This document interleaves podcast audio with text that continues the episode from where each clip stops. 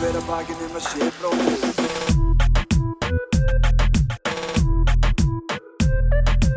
Fyrir hver að bakinn um að sé bróðir eigi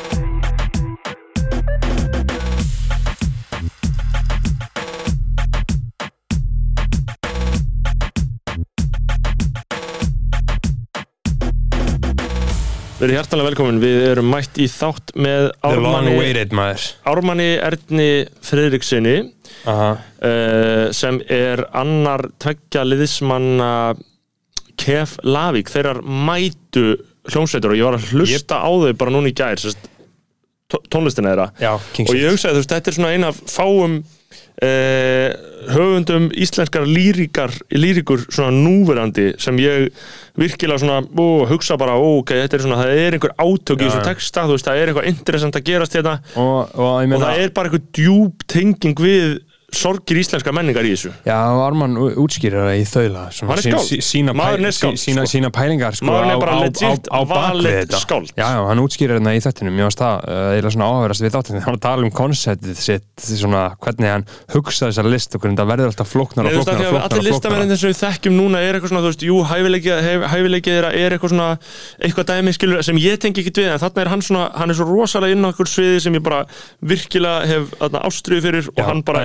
framúrskarandi, sko. Árum fyrir minn þáttinn þá uh, bað Ármann mig hérna að lesa upp skilabóð uh, á föstudaginn, 8. oktober uh, sem að hann þú veist, þegar daginn sem þessi þáttu kemur út þá eru Keflavík að spila á Gíslamartinni og er að halda útgáðtónleika á Keks Hostel þannig að tjekkja á því, Veisla. sama dag, veist, ég ætla að mæta Já, 8. oktober, 100% uh, og síðan á laugadaginn, 9. oktober daginn eftir þessi þáttu kemur út þá eru djam tónleikar á príkinu þannig að þetta verður lit helgi. Hjá Keflavík. uh, áður en við förum í þáttinn kæru hlustundur, kæra bræðarlag þá erum við fjármagnaðir á Patreon uh, 5 dólar áskrift, ókipis 10 dólar áskrift, ókipis, getur þú hlustað á þennan þátt fyrr til dæmis.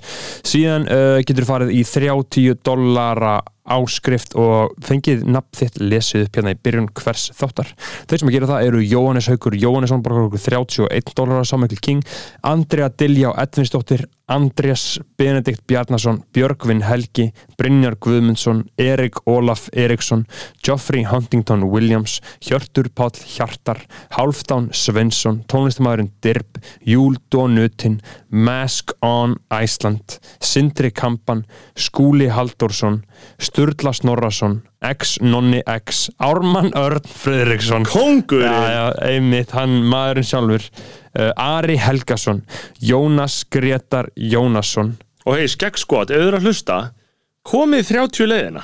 Algjörlega, Í tjekkja á þessu. haldið á ykkur uppi. Too easy, too easy, síðan er að styrkja okkur okkar. Tandri Snær Tröstason, Sámikli Ging búin að vera með okkur síðan day one, það væri mjög gaman að hitta Tandra eitt mann Já Tandri, Og líka til hlustendur, þið haldið að við séum ekki að gera nóg fyrir Dandra, við höfum bóðunum gull og græna skó og hann vil ekki að við gerum neitt, hann Já, vil já. bara vera þetta, Ég væri mjög til að hitta Tandra eins og þú hittir Stefán Daða. Það var heiður, var já. heiður að hitta Stefán Daði Já. Ég veit reyndar ekki alveg hvað hann er á styrkjalistanum Hann hann, hann, er nummið tvö. Ste Ok. Stefán Daði er hérna Tandri borgar okkur 100 dólar á mánuði síðan er að Stefán Daði uh, Sámikli King sem þú hittir á Átó starfsmaður Átó Átó báði opnað akkurat þessa helgi tjekkja á því líka.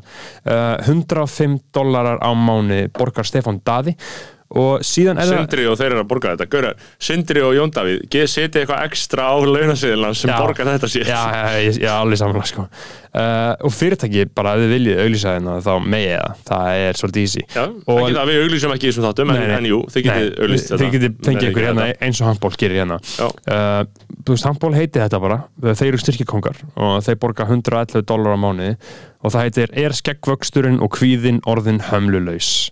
Handból CBD og olja skotanir 20 fyrir 20% afslátt handból CBD olja Ég elska kóðan sko. Já, skoðanir 20 Já. En við megum ekki hafa fleiri orðum það en þess að þeir eru búin að fá sitt slátt og ég ætla að byggja ykkur öll Þarna- Guðs blessunar og, njótið check- áramanns á ánum förum, við gleymum alltaf að auðvisa Instagram okkar, það er Herru, já, byggja það, það, að- er að byggjast upp núna, fólk er ég- byrjað að Við þurfum followa. líka að setja meira svona random shit. Já, fólk er byrjað að followa hægt og rúlega Tjekkja okkur á Instagram. Uh, Pyrrandi hvað margir sem hlusta þáttin en fáið sem að followa þar. Þannig að þá svona fólk sem hlustar alls ekki á podcast heldur að við séum ekki neitt einhvern veginn skilur hann að ég er væri til í fleiri followers þar. Sé Njótið vel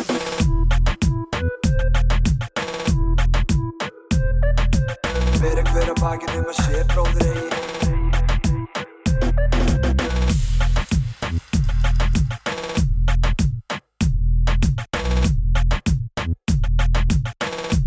Ætt, við erum komin að lótið með okkar manni Ármanni Verður velkomin Ármann Já, sæli, sælir. Hvernig er að vera komin í kastið? Heru, það er bara gíflega góð tilfinning. Já, það ekki Jú. Við erum að skála í góðan bóla Já, hrímaði bóli, sko. Ég ætlaði fyrst ekki að fá mér, ég er með minn einn slott, en þegar maður sér hann síðan, þá kemur svona Það einhver... er svona kulda gufa á honum, sko, þú getur ekki staðist þetta helviti Já, ég held að þetta sé eiginlega bara út af auglýsingum, sko. Þá bara svona, já, mér langar í þetta. Já. Auglýsi bóli mikið, það Uh, Bóli auðlýsir ekkert eitthvað það mikið. Túli var með legendary auðlýsingar og hefur verið með legendary auðlýsingar sem er þarna, þú veist. Gæðið ljótar. Já, gæt ljótar að þeir segja, þeir segja skilur, þú veist, þeir er alltaf adressa í auðlýsingunni að þetta sé í raun og veru bjór en þetta sé léttvið, þú veist, allavega heiðarlegur, eitthvað svona. Já, og þetta er umdilt, finnst ykkur að það mætti auðlýsa, ætti að mega auðlýsa bjór eða? já, já. Vartalega Já, Þú ætti alveg ekki að auglýsa, auglýsa nokkuð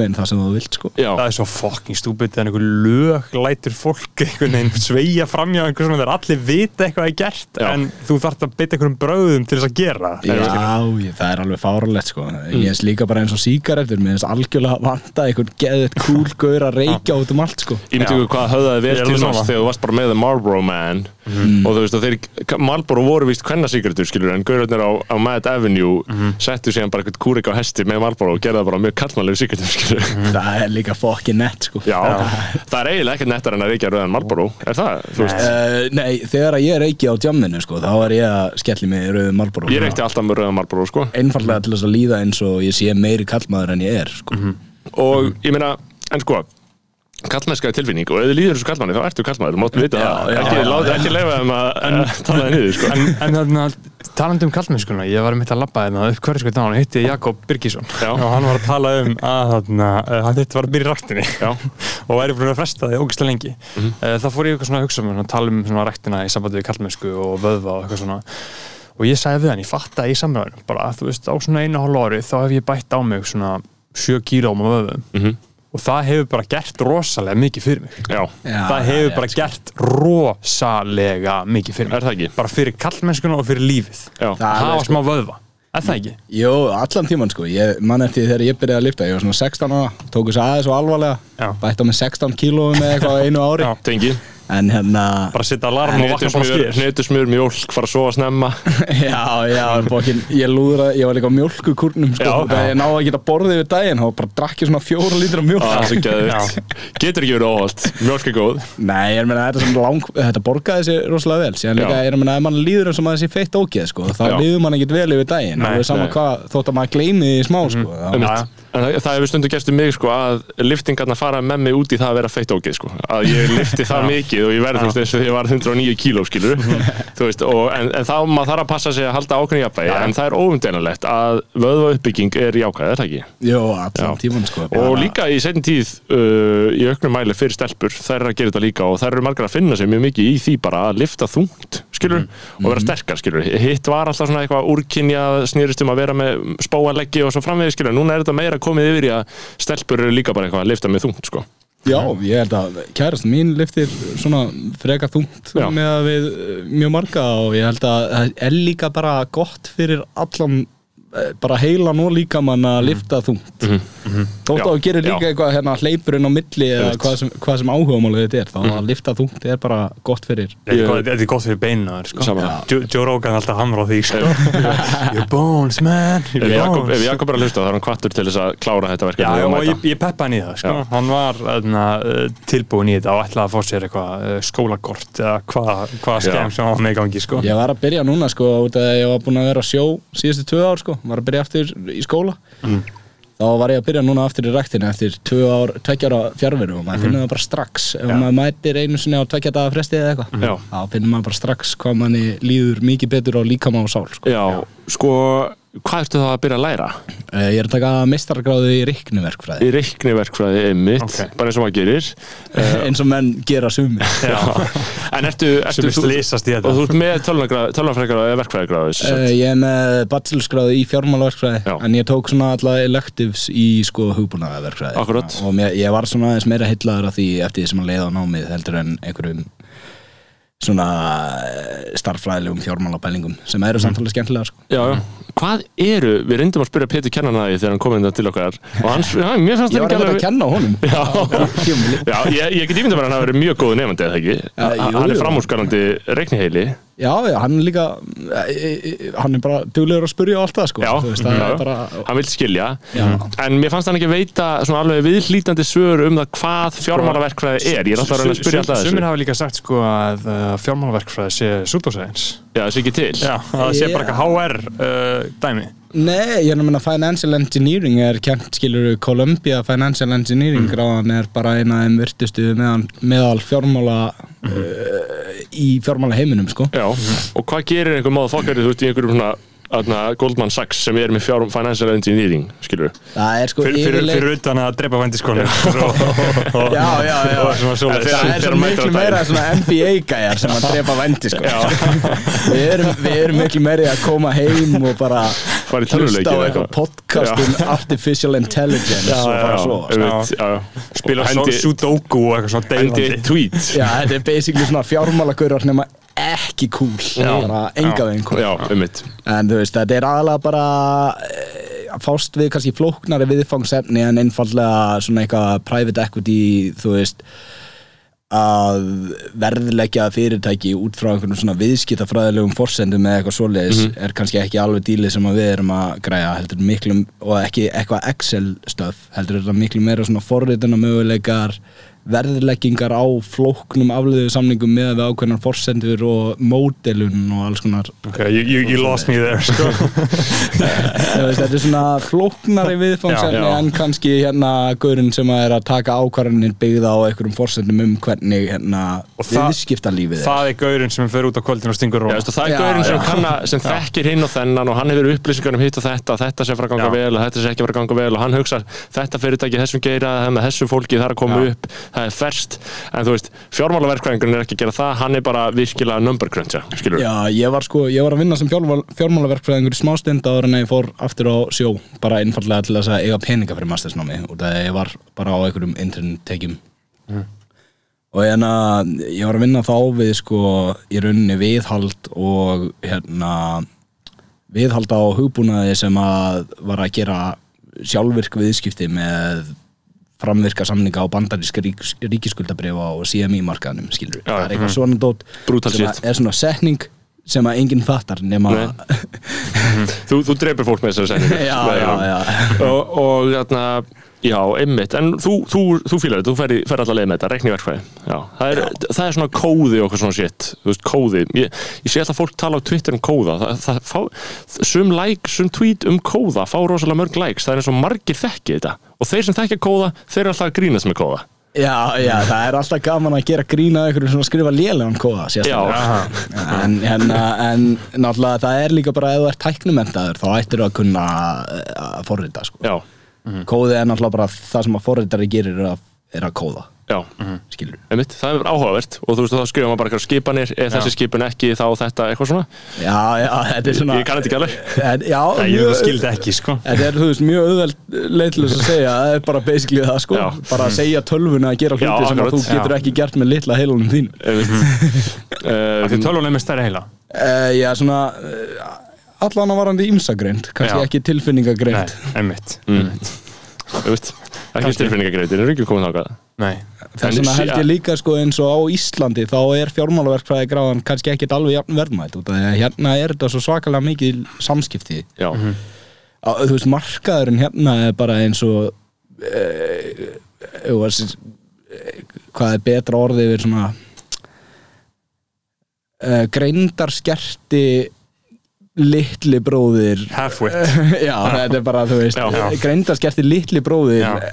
betri, þú veist, bara ástralska markað sem, að leifir álfuru automation og álfuru stemmingu sko. og býður upp á alvöru sérhæðstörf Já. er það kannski málið hérna að nú eru konur í bíti á bylginni vantar okkur sérhæðstörf sko, vantar okkur sérhæðstörf á Íslandi? Er vantar, vantar þú veist, al, á, alvöru áhugaverð störf, störf fyrir þú veist, mjög tæknamenta fólk þetta, ég myndi segja það, það vantar eins og uh, það sem að bandaríkin hafa gert er náttúrulega að búa til en þessa stemmingu fyrir því að getur verið í rauninni með sko akademíska stofnun sem að er, tengist enga veginn háskóla skilur Já. við bara eins og mikið af þessum svona HFTs eins og ég var að vinna á svona high frequency trading Já. uh, funds þetta eru bara fullt af doktorum að í rauninni bara í fræðilegum störfum Og hvað er að reyna að gera?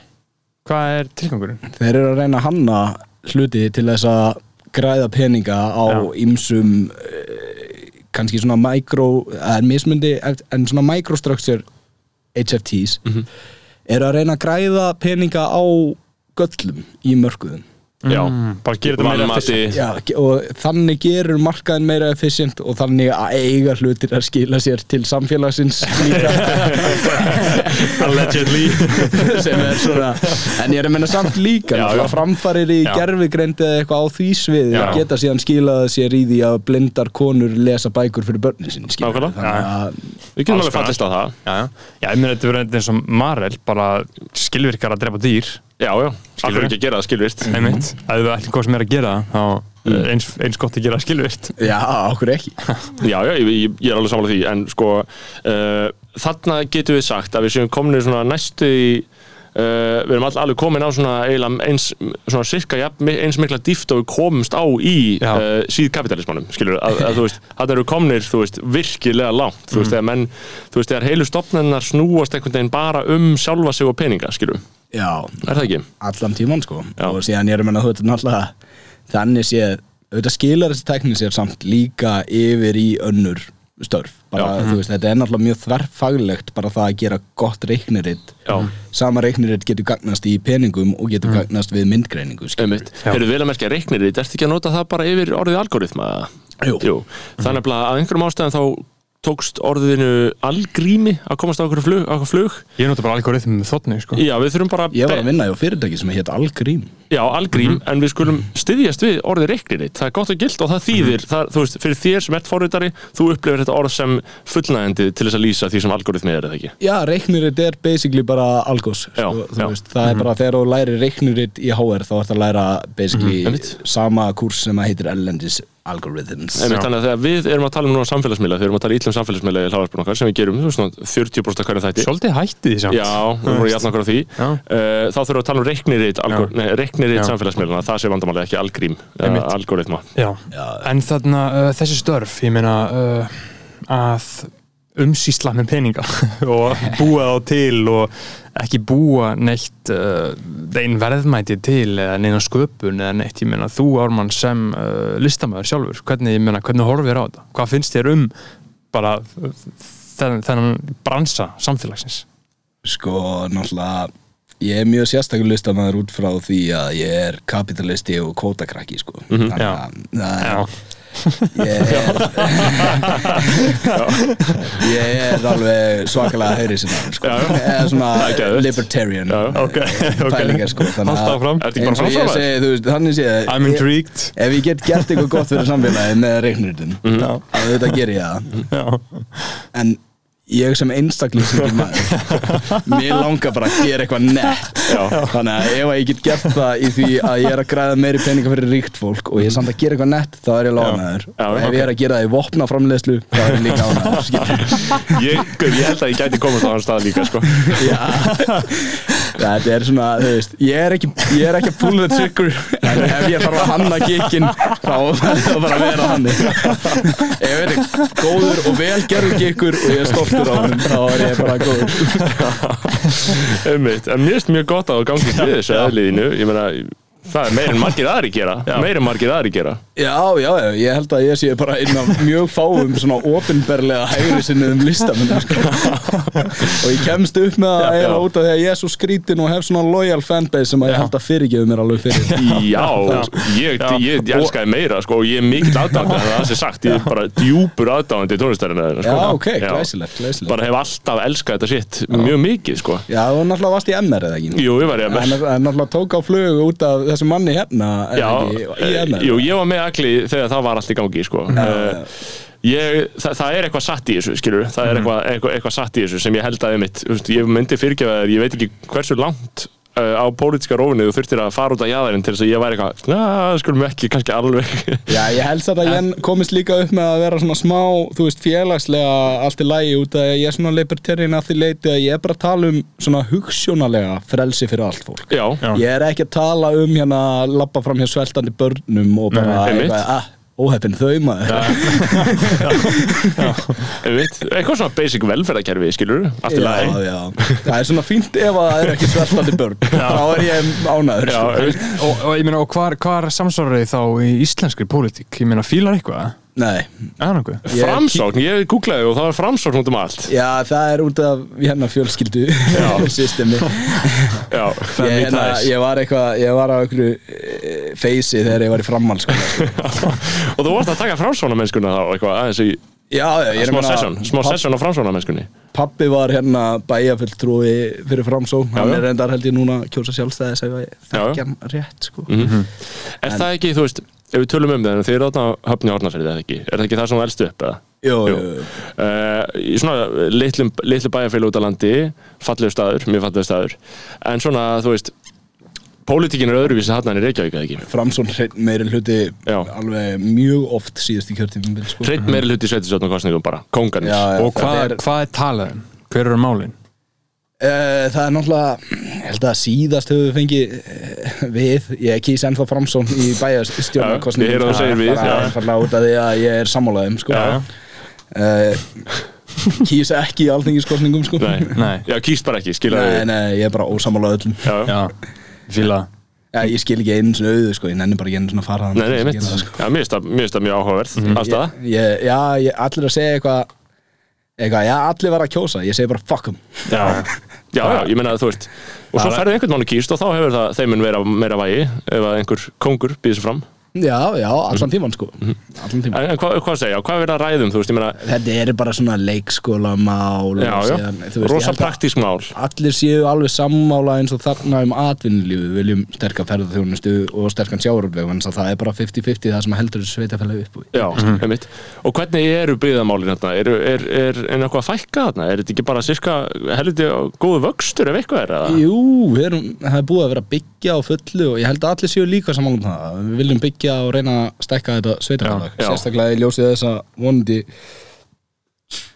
uh, verðum við með fleiri ferðamenn og það allt til þess að koma á, þú veist, á næstu árum sko. Já, já, að því ég veit að þetta er með sér tónlistinni þinni, ég veit nú ekki hversu, ég veit ekki alveg hvernig þið skiptið með eitthvað textasmíðunum uh, er það? Já, þú semur textana, já, Og þú pró pródúsir allt uh, Já, ég er Já. bara, ég er basically svona singer-songwriter gæði sem að vill ekki syngja já. Þú hefur aldrei, eða? aldrei sungið Nei, Einar sér bara svona alfarið um það og ég kann honum mikla þakki fyrir það Já.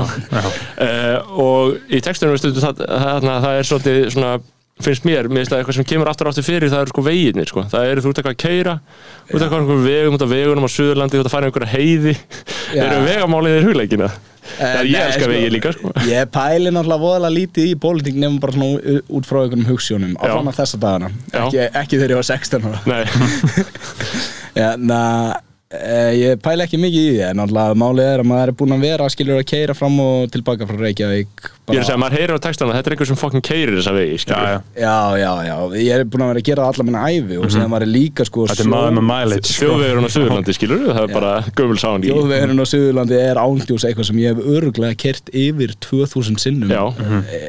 á æfinni sko og þú veist, sérstaklega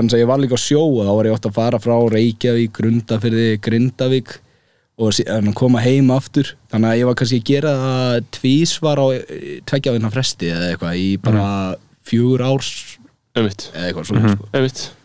Akkurat, a- alvöru stöf og er þetta þarf að, fara í umbættur þarna á Suðurlandi? Þarf að gera þetta betur eða? Uh, ég Sigur Ringi, hann er svona Já, Sigur gera þetta Ingi er náttúrulega kongur Pinky Ring kongur Já, erum við ekki að tala um það, hann er king. Já, ég hef sko verið mjög hrifin á honum síðan hann var með Pinky Ring í kastljósi Já, sko. Það er fínt lúk sko. Það er sko geðveikt að vera svona gamall kall með Pinky Ring sko. það er aðtöða að stjórnmálum þurfi ekki að gera meira en bara eitthvað svona details. Já, þá já. eru menn Þetta er allt Þannig verður þér fórseti sko Já, ég þetta er allt sömu swamp creatures skilur, já. Það er já, en, en, en er ástandi á vegunum nógu gott þarna? uh, Nei, alveg klálega ekki sko Ég held að í sveitafélaginu Hortnafyrði séu flestar innbreiða brýr sem að ég veit bara ekki til þess að séu innbreiða brýr neins þann annan staðar Jú, Nei. það eru öruglega einhver staðar Úrælt fyrirbæri Já, alveg fárlegt Stórhættulegt. Það gerðist þarna bara fyrir þremur, fjórum árum eða eitthvað að komum bara einhverju tveir gaurar saman á 120 hvor Já, skilurðu. einmitt. Já, já, hvað á að gerast annað en bara mjög slæmi hlutir á svona brúm, br- brúm. Já, í myrkri og þú er með ferðamenn sem að fatta ekkit hvað þeir eru að gera. Nei, svo er líka hefur verið umræðum það, þú veist, maður hefur lesið einhverja skýslur um þessi vegamál og svona hvað þarf að gera þarna, þú veist, þetta er bara einfallega vegur sem bara, þú veist, það var bara, bara engan vegina, því þú veist, þegar einhverju vegagaurar er að hanna vegi, þá er bara, ok, hversu margir er að fara að ykkar, skilur, við þurfum bara að gera ráð fyrir því. Og bara þessi vegur, vegar, þú veist, bara þetta kerfi gerir engan veginn ráð fyrir áganginum sem hefur verið undan ár, skilur, með öllum þessu ferðamennum og það bara verða slís, skilur.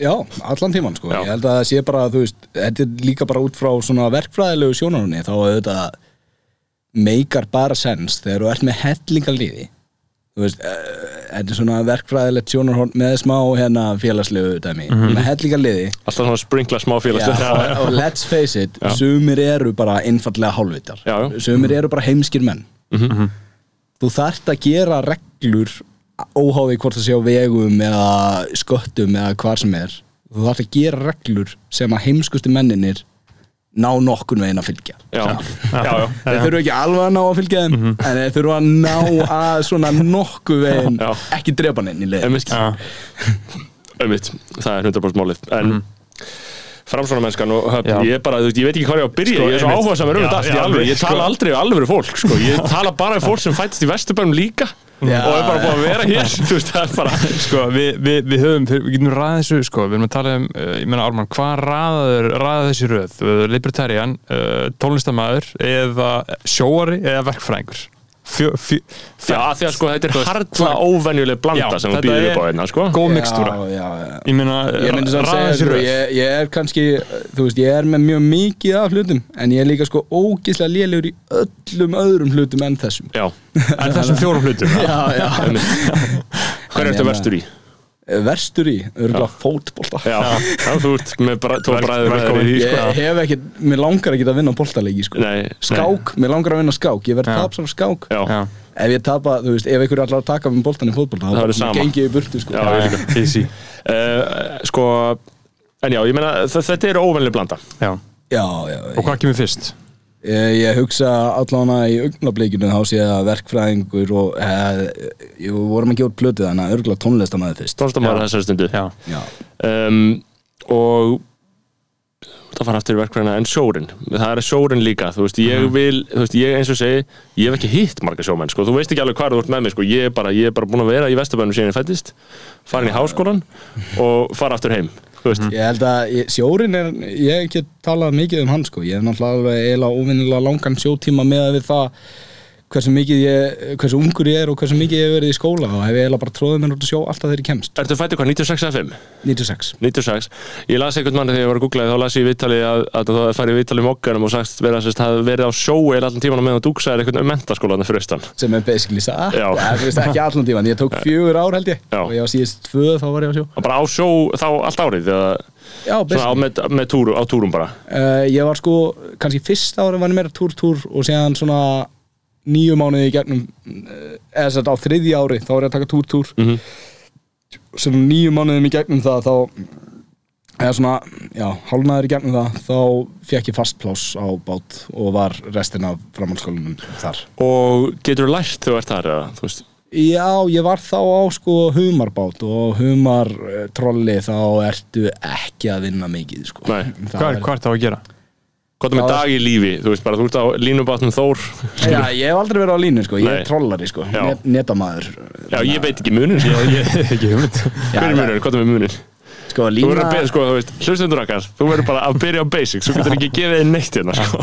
sko, lína er þannig að þú ert í grundvallaratriðum að draga þú leggur línu í sjóin sem að er með hellinga litlum krókum á og beitu Já, og síðan fara fiskar og býta það og síðan ertu að draga hana um borðið í bátinn Já. og drepa fiskinn hendur honum í kall Í raun og veru bara eins og stangveiði, skilur bara að kasta línu úti og bara nema margi krókar. Uh, já, nefnum bara, uh, þetta er alveg eh, eiginlega ekki eins en stá, stákveð er eins upp að því leitið að það eru krókar og maður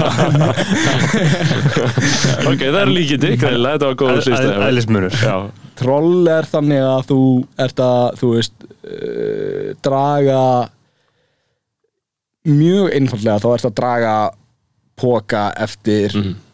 hérna sjávarbotninum Sæ, og Sækja bókan já, já, þú ert að draga póka skilur og fi- fiskurinn samnast fyrir í endanum á pókanum síðan ertu bara að taka um borð í bátinn og tæmir fiskinum í einhverja lúu og síðan þaðan tekur hann og Tölvöld betri aðferð, hljómar eins og betri aðferð. Já, sko, lína hef ég allan að heyrt. Mér hefur aldrei langað að fara á línu eiginlega bara út að ég hef heyrt að það sé algjört helviti sko. Já. sé bara að þú sért að vinna allt og mikið með við hvað þú fært borgað. Trolli þá ert að vinna rosalega mikið en þú færð líka uh, rosalega vel borgað. Líka humri Líka humrunum, þú veist. Humarinn hefur verið alveg rosalega slæmur síðustu ár þannig að hefur ekki verið merkilega tekjur á honum. En þegar ég, þegar ég var á humri sem var svona 2015-2016 þá hérna þá var þetta alltaf lagi, þetta var samt að byrja að dvína. Já, gamla daga þá var skast alveg bara haft mjög gott úr. Færi, Hvernig færið borgað? Hvernig ákvarast launin? Eh, Þú fær borgað í rauninni með afkust sem að ég er mjög hrifin af því kerfi sko en hérna Það var miklu meiri stemning á bát, bát, bátnum Já. Já, auðvitað, þegar það er góð veiði og eitthvað og ég er að menna menn eru búin að að vinna, vinna baki brotnu en þeir gerir sem, sem grein fyrir því bara eitthvað, já, ég er að fara að fá, ég er ómentaður og ég er að fara að fá 5 miljónir fyrir mánuð. Einmitt. já, já. Er það- er einhvern mann alveg, er alveg þar staðan einhvern mann eða? Uh, ok, það var kannski meira áður en að kannski svona fyrir nokkur á, árum þá var það alveg möguleiki sko. En, en þú getur alveg banka góða tvær millur, þrjár millur Já, já, þrjár millur eða dullur eða þú veist, ef á ro- uh, náttúrulega þetta er líka þannig system að það fari ekki borgað eða ert ekki um borðið í bátnum Já. þannig að ef á ætlar að vera um borðið í bátnum allan tíman þá getur endaði að vera 26 dag á sjó sem það að erfitt, er ja. helviti erfitt ef þú ætlar að gera það tvo mánuði röð sko. Þú lifir, hvernig er að vera sjó? Ég meina, ertu bara að horfa á sjóin og eða ertu í Playstation og rungaðir, skilur? sko, ég hugsa þetta er mismundandi bátum sem eru með 8 tíma á vakt og 8 tíma sofandi 8 tíma á vakt, 8 tíma sofandi Já. 8, 8 Það hljóma brútal, er það brútalega? Það er eiginlega minna brútal en margt sem ég hef gert sko. Ég hef verið á 16-8 þar sem maður vinnur 16 tíma og fer síðan 8 tíma sem að endar alltaf á því að vera bara 6 tíma -hmm. sem notar þetta fyrir að borða og, og, og hrista, hrista sko. Já, uh, og síðan náttúrulega líka þá ef maður er að standa í aðgerð og gera við troll í 16 tíma þá endar maður á því þú veist uh, að fá síðan að skeiða bólgu og þú ert kannski að vakna á nóttinni með enga tilfinningu í höndunum og eitthvað svolítið þetta hristaði aftur í Já. gang þannig að það endar kannski að svo fjóru og halvan tíma á þessar 8 tíma frívægt sko. það er viðbjöður Sýnaskeiðabólga, ég er mikill áhuga maður á það Eru menn að fá sýnaskeiðabólga þannig á sjóa? Já, þetta er náttúrulega sko út af því að þú ert mjög mikið að- í, í endurteknum hreyfingum þannig sem þú þarf kannski að vera með sko solid eins og á vertíðum þá ertu kannski með 8 kíló af fiska eh, Já, að reyna að hafa heimil á þeim bara með þessari hendi. Já, þá byrjar að bólna upp hérna einmitt. og þá stoppar það blóðflæðið niður Júli. í hendina sko. Ok. Mjög áhugavert. Og þess vegna sko er það ekkert grín þegar sjómenn er að lifta í landi þeir þurfa að vera sterkir uh, Já, ég myndi allan að mæla með því að vera hraustur á líkama og sál líka Já. Já, Og eru þið það? Á- Hraustur á sál, hvernig, ég meina, hvernig er sjómaðurinn? Ég held að sjómenn séu almennt sko allan að þeir eru miklu meiri persónleikar en mjög margir í landi sko. já, Já. já, Þannig að þess að þú verður náttúrulega að vera smá snar geðugur til þess að gera þetta Þú veist, ég var, held ég síðast ári var ég 252 sólarhinga á sjó Fokk hvað er mikið maður Það er sko gífurlega mikið magn Ég var 100 daga í landi að hitta vennulegt fólk skilur við Já, Þannig að Sem er- manna, basically. 2020 núna uh, já, á síðasta ári, já, 2020 sko. En allavega COVID kannski spilaði aðeins inn í það sko. Já. að maður Það var ekki mætti mikla kannski ekki að vera Það var ekki mikið að frétta í landi Nei. sko. en þú veist auðvitað þarf maður að vera smá geðugur bara til þess að gera það sko. Já. þannig að þetta verður alltaf á endanum svolítið gaman og ég held að séu mun fleiri finnir og svona skemmtilegir en kannski á meðal vinnustæðinum sko. Já. ert að reyna að hafa gaman af hlutunum. Já, já og þú, þú býrð náttúrulega við þessar skrýtna aðstæður sem eru sjórin bara, þú veist, þú ert ekkert, þú ert ekkert eins og allir landkrabbanir, skilur já, já. Þú meina, ertu með næs herbergi og næs rúm veist, ég vil vita Það er allt, náttúrulega sko. rosalega mikið eftir bátum sko. Já. ég var á einum bát sem var smiðaður 92 og það er næs, það er ekki næs. Nei, það er voru sko ég held að það hafi verið svona 60 cm á breytt rúmin sko. og íbarast og náttúrulega þú ert yfirleitt í uh, kóju, þannig að það eru tveir en síðan er þetta þannig að þið skiptið sólarhringnum á millikar skilur þannig að eins og ég var núna á 14.10 uh, á steininu sem ég var núna síðasta einu og halvu árið sko. Já, og þá er skilur ein, að sofa í tíu tíma og hinn sefur einhverja aðra tíu tíma. Já, en þá voru, það er líka skip sem bara nýsmíðað bara glæsilegt innan uh, örglega, þú veist, ég náði allavega að breiðu með svona, skilur Já. sem að, hvað er þetta ekki alveg solid? Hun- 120 já. Já, 120 120, cm það er bara luxur sko. Queen size. skip Og- sem ég verið á. Og þú veist að því við erum að tala um skilur, vinnudagurinn er 10-14 skilur, þú ert að sofa 10 tíma og sem vinna 14 tíma, ertu að harka alla þessa 14 tíma eða ertu kannski komið kemur 2 tíma þar sem þú bara eitthvað að horfa út á og er ekkert að koma á í trollið eða eitthvað og bara ertu eitthvað að pæla í eitthvað Það er yfirleitt sko, yfirleitt ættir að geta sloppið með að geta lagt þig einhvern tíman nema sko það er náttúrulega eftir því hvað það veiða en eins og við vorum bara fiskitróli að veiða mestmægnist þorsk allt árið. Og þorskur uh, svona í kringum mars til mæ þá fer hann og eiginlega svona 90% af stofninum myndi ég skjóta á, ég veit ekki nákvæmlega tölur. Nei, en svona allan að gífurlega hátt hlutfall af stofninum er bara rétt fyrir utan þorlásöfn já, frá mars til mæ cirka, miðjum mars til miðjan mæ utan um allt landið, koma bara þangað. Já, þetta Já. er bara, þetta er bara því líkur kjarni. Já. og þá er það þannig að þú getur bara rétt dýft trollinu í sjóin, pókanum mitt, og þá er hann full, móka þessu upp bara. Er hann bara full. Easy money Já, easy money, eh, þetta er aldrei easy money en þá ertu standandi í 14 tíma að skera fisk, skilur Já. og síðan ertu að taka trollið En það er eina sem þið gerir þegar hann kemur upp í bátinn er bara skera hann að háls og hendur á móni, eða ekki? nei, skera hann á háls skera hann með inniblinn og síðan þarftu líka náttúrulega að kasta hann í kur Já, Þannig að þetta er alveg heilmikil vinna sko. Og, uh, en aftur á móti er þetta líka rosalega góða tekjur á þessu tí- tímum um mitt ja, svo lengi sem maður má veiða mikið sko. Já, heldur að auðmingi eins og ég geti farað þarna og gert þetta? Ég hugsa að flestir sko, þú þyrftir aldrei að vera maður þarf ekki að vera herðabreiður og hérna eitthvað uh, bara svo lengi sem maður er duglegur og helst alveg pínu græður í pening sko. Já, þá ættu flestir að geta þetta sko. já, og síðan er náttúrulega bara mismunandi eftir mönnum hversu hrattir læra eftir því hversu áhuga saman þeir eru og það allt sko. Já, Það er náttúrulega menn, það er alltaf gaman að fá einhverja nýja sem eru mjög áhuga samir taka nú bara fjóra túra og síðan bara eru þeir góðir já, og bara geta unnið. Já, Já. það er bara frábært sko. Og ertu ertu lengi að læra þetta? Það er rosalega mikið eftir hversu mikið mönnum langar að læra bara eins og eiginlega með flest sko. Mhm. Ég held að ég var með einu strák núna hérna á sjó síðasta sumar sem að heiti Gummi.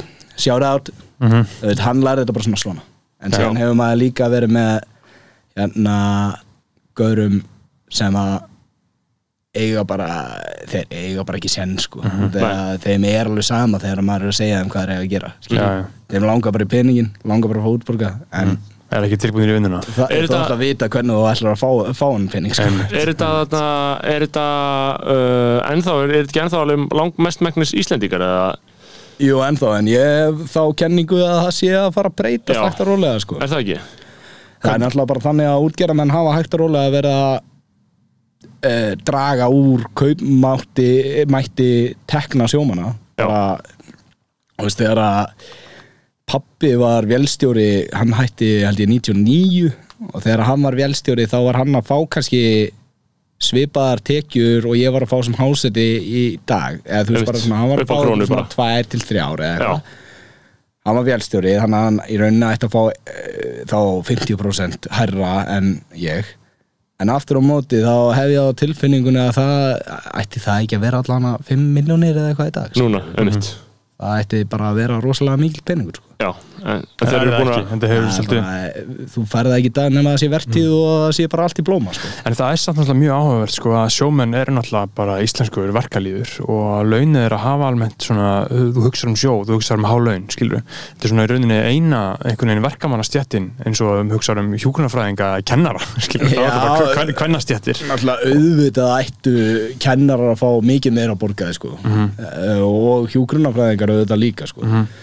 sjómenn hafa náttúrulega náð að hafa þetta afkastategna tekjur og Já. hafa náð að passa sig ágætlega gennum tíðina. En það er náttúrulega þjarmað að því þegar að SFS ekki það þú veist, nú er ég bara að tala sem sjómaður sko. Já, ég gott með þetta. Þegar að þegar að- SFS er líklega ekki að hlusta, ég veit ekki hvað heyr hún? Já, já, já, já, sko, ég, en þegar SFS er með hérna einhverja solid 5 hagfræðinga og eru með allar svona resources sem á mögulega þart Já. til þess að geta punga út einhvern samning sem að lúkar rosalega vel fyrir einn hóp og hinn er svona, já, ég veit ekki alveg þú veist, Já. F- Fyrir hlustendur sem veit ekki hvað SFS er þá er þetta samtök fyrirtækja í sjávar út er ekki sem var áður, eh, sem var áður basically LIU En auðvitað virður maður samt líka hjá SFS skilur, ég er alls ekki þannig að eitthvað, oh, SFS er bara mafía eitthvað, mm -hmm. Þetta er hlutverkið þeirra sko. Já, þeir eiga að reyna að gera góða samninga fyrir atvinnum Augljóslega, það það- þýðir ekki að vera eitthvað að segja að það þetta var- sé og það, það, það, það er ekkert leyndamál hvert í fokkanum hlutverkið þeirra er, skilur þú veist, menn þurfa bara að gangast við því og átt að segja á því.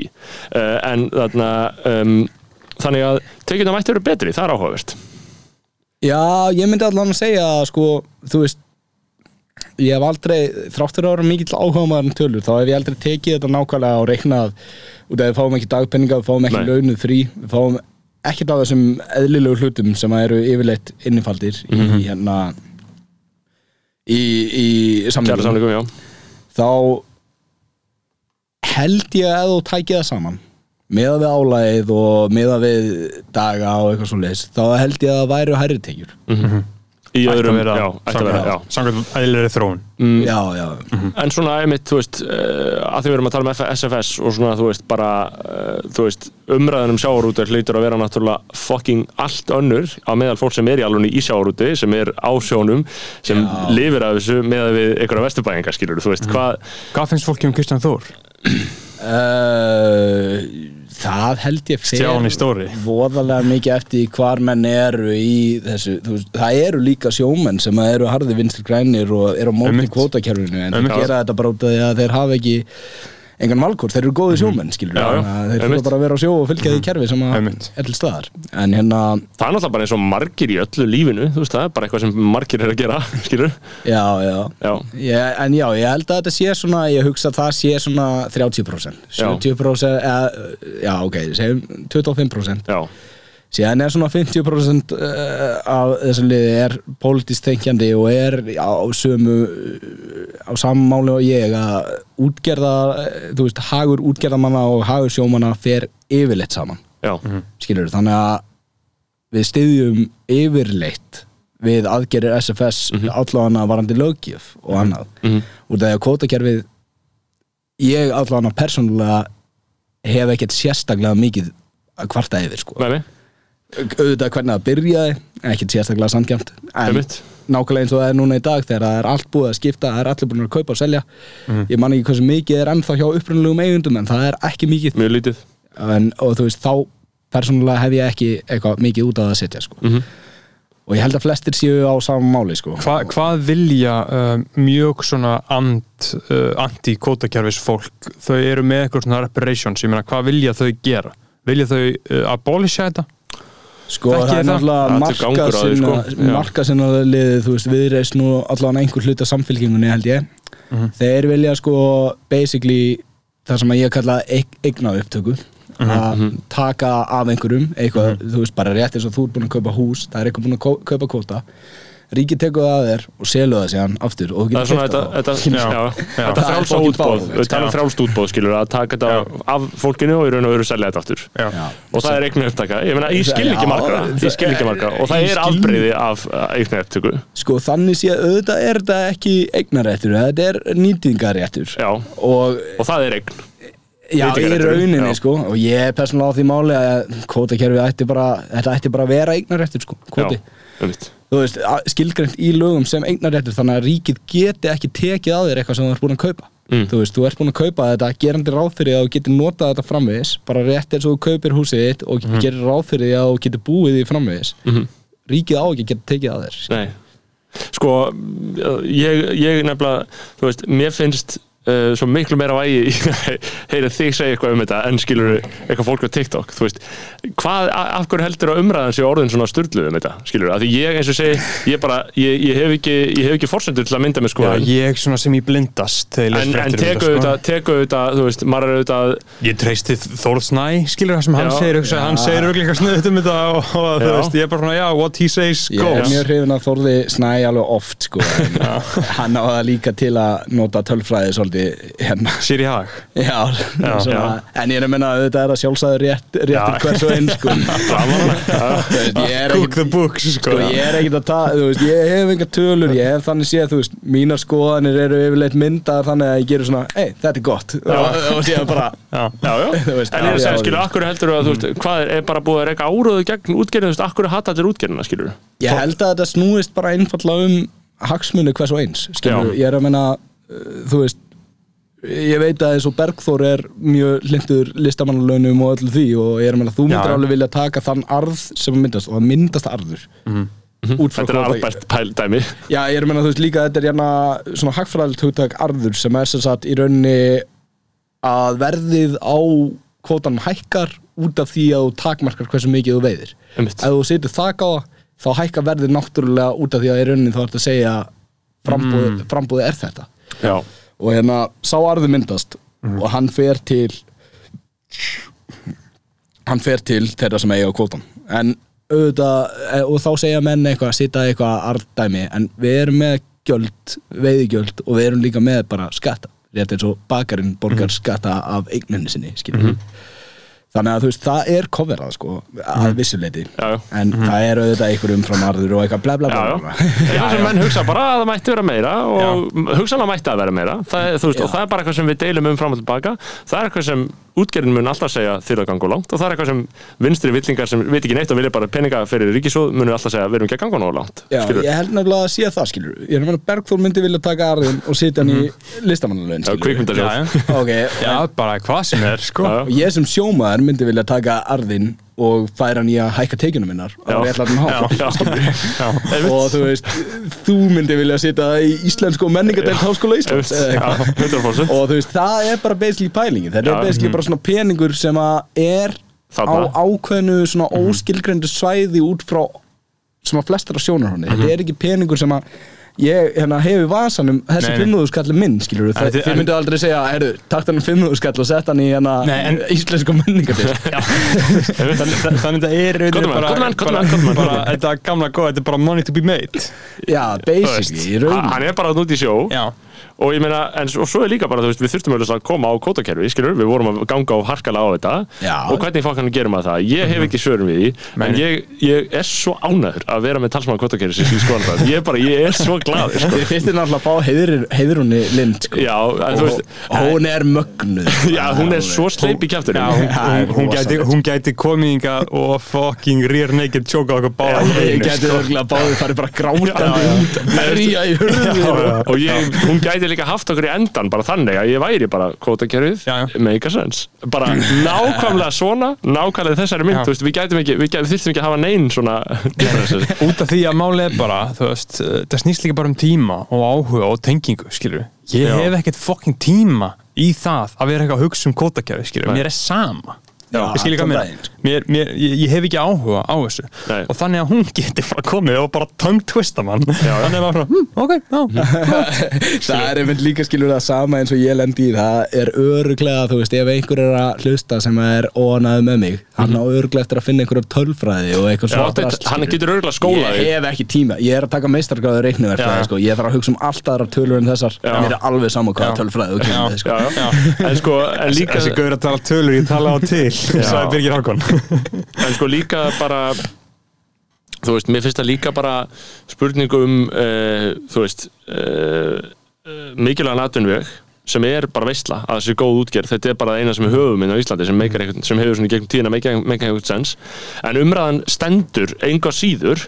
Uh, þú veist við sjáum alveg hvað ekki norðmenn hafa gert við hennan þessa fokkin oljupeninga skilur við erum með einhvern veistlu þraut að vara sjóð já, skilur konga shit. Ef við gætum mögulega reynd að sníkja frá útgerðinni eitthvað þannig dæmi bara eitthvað dót, þú veist. Ég veit En er ekki, samt myndi það meika sens fyrir þér? Nei, sko.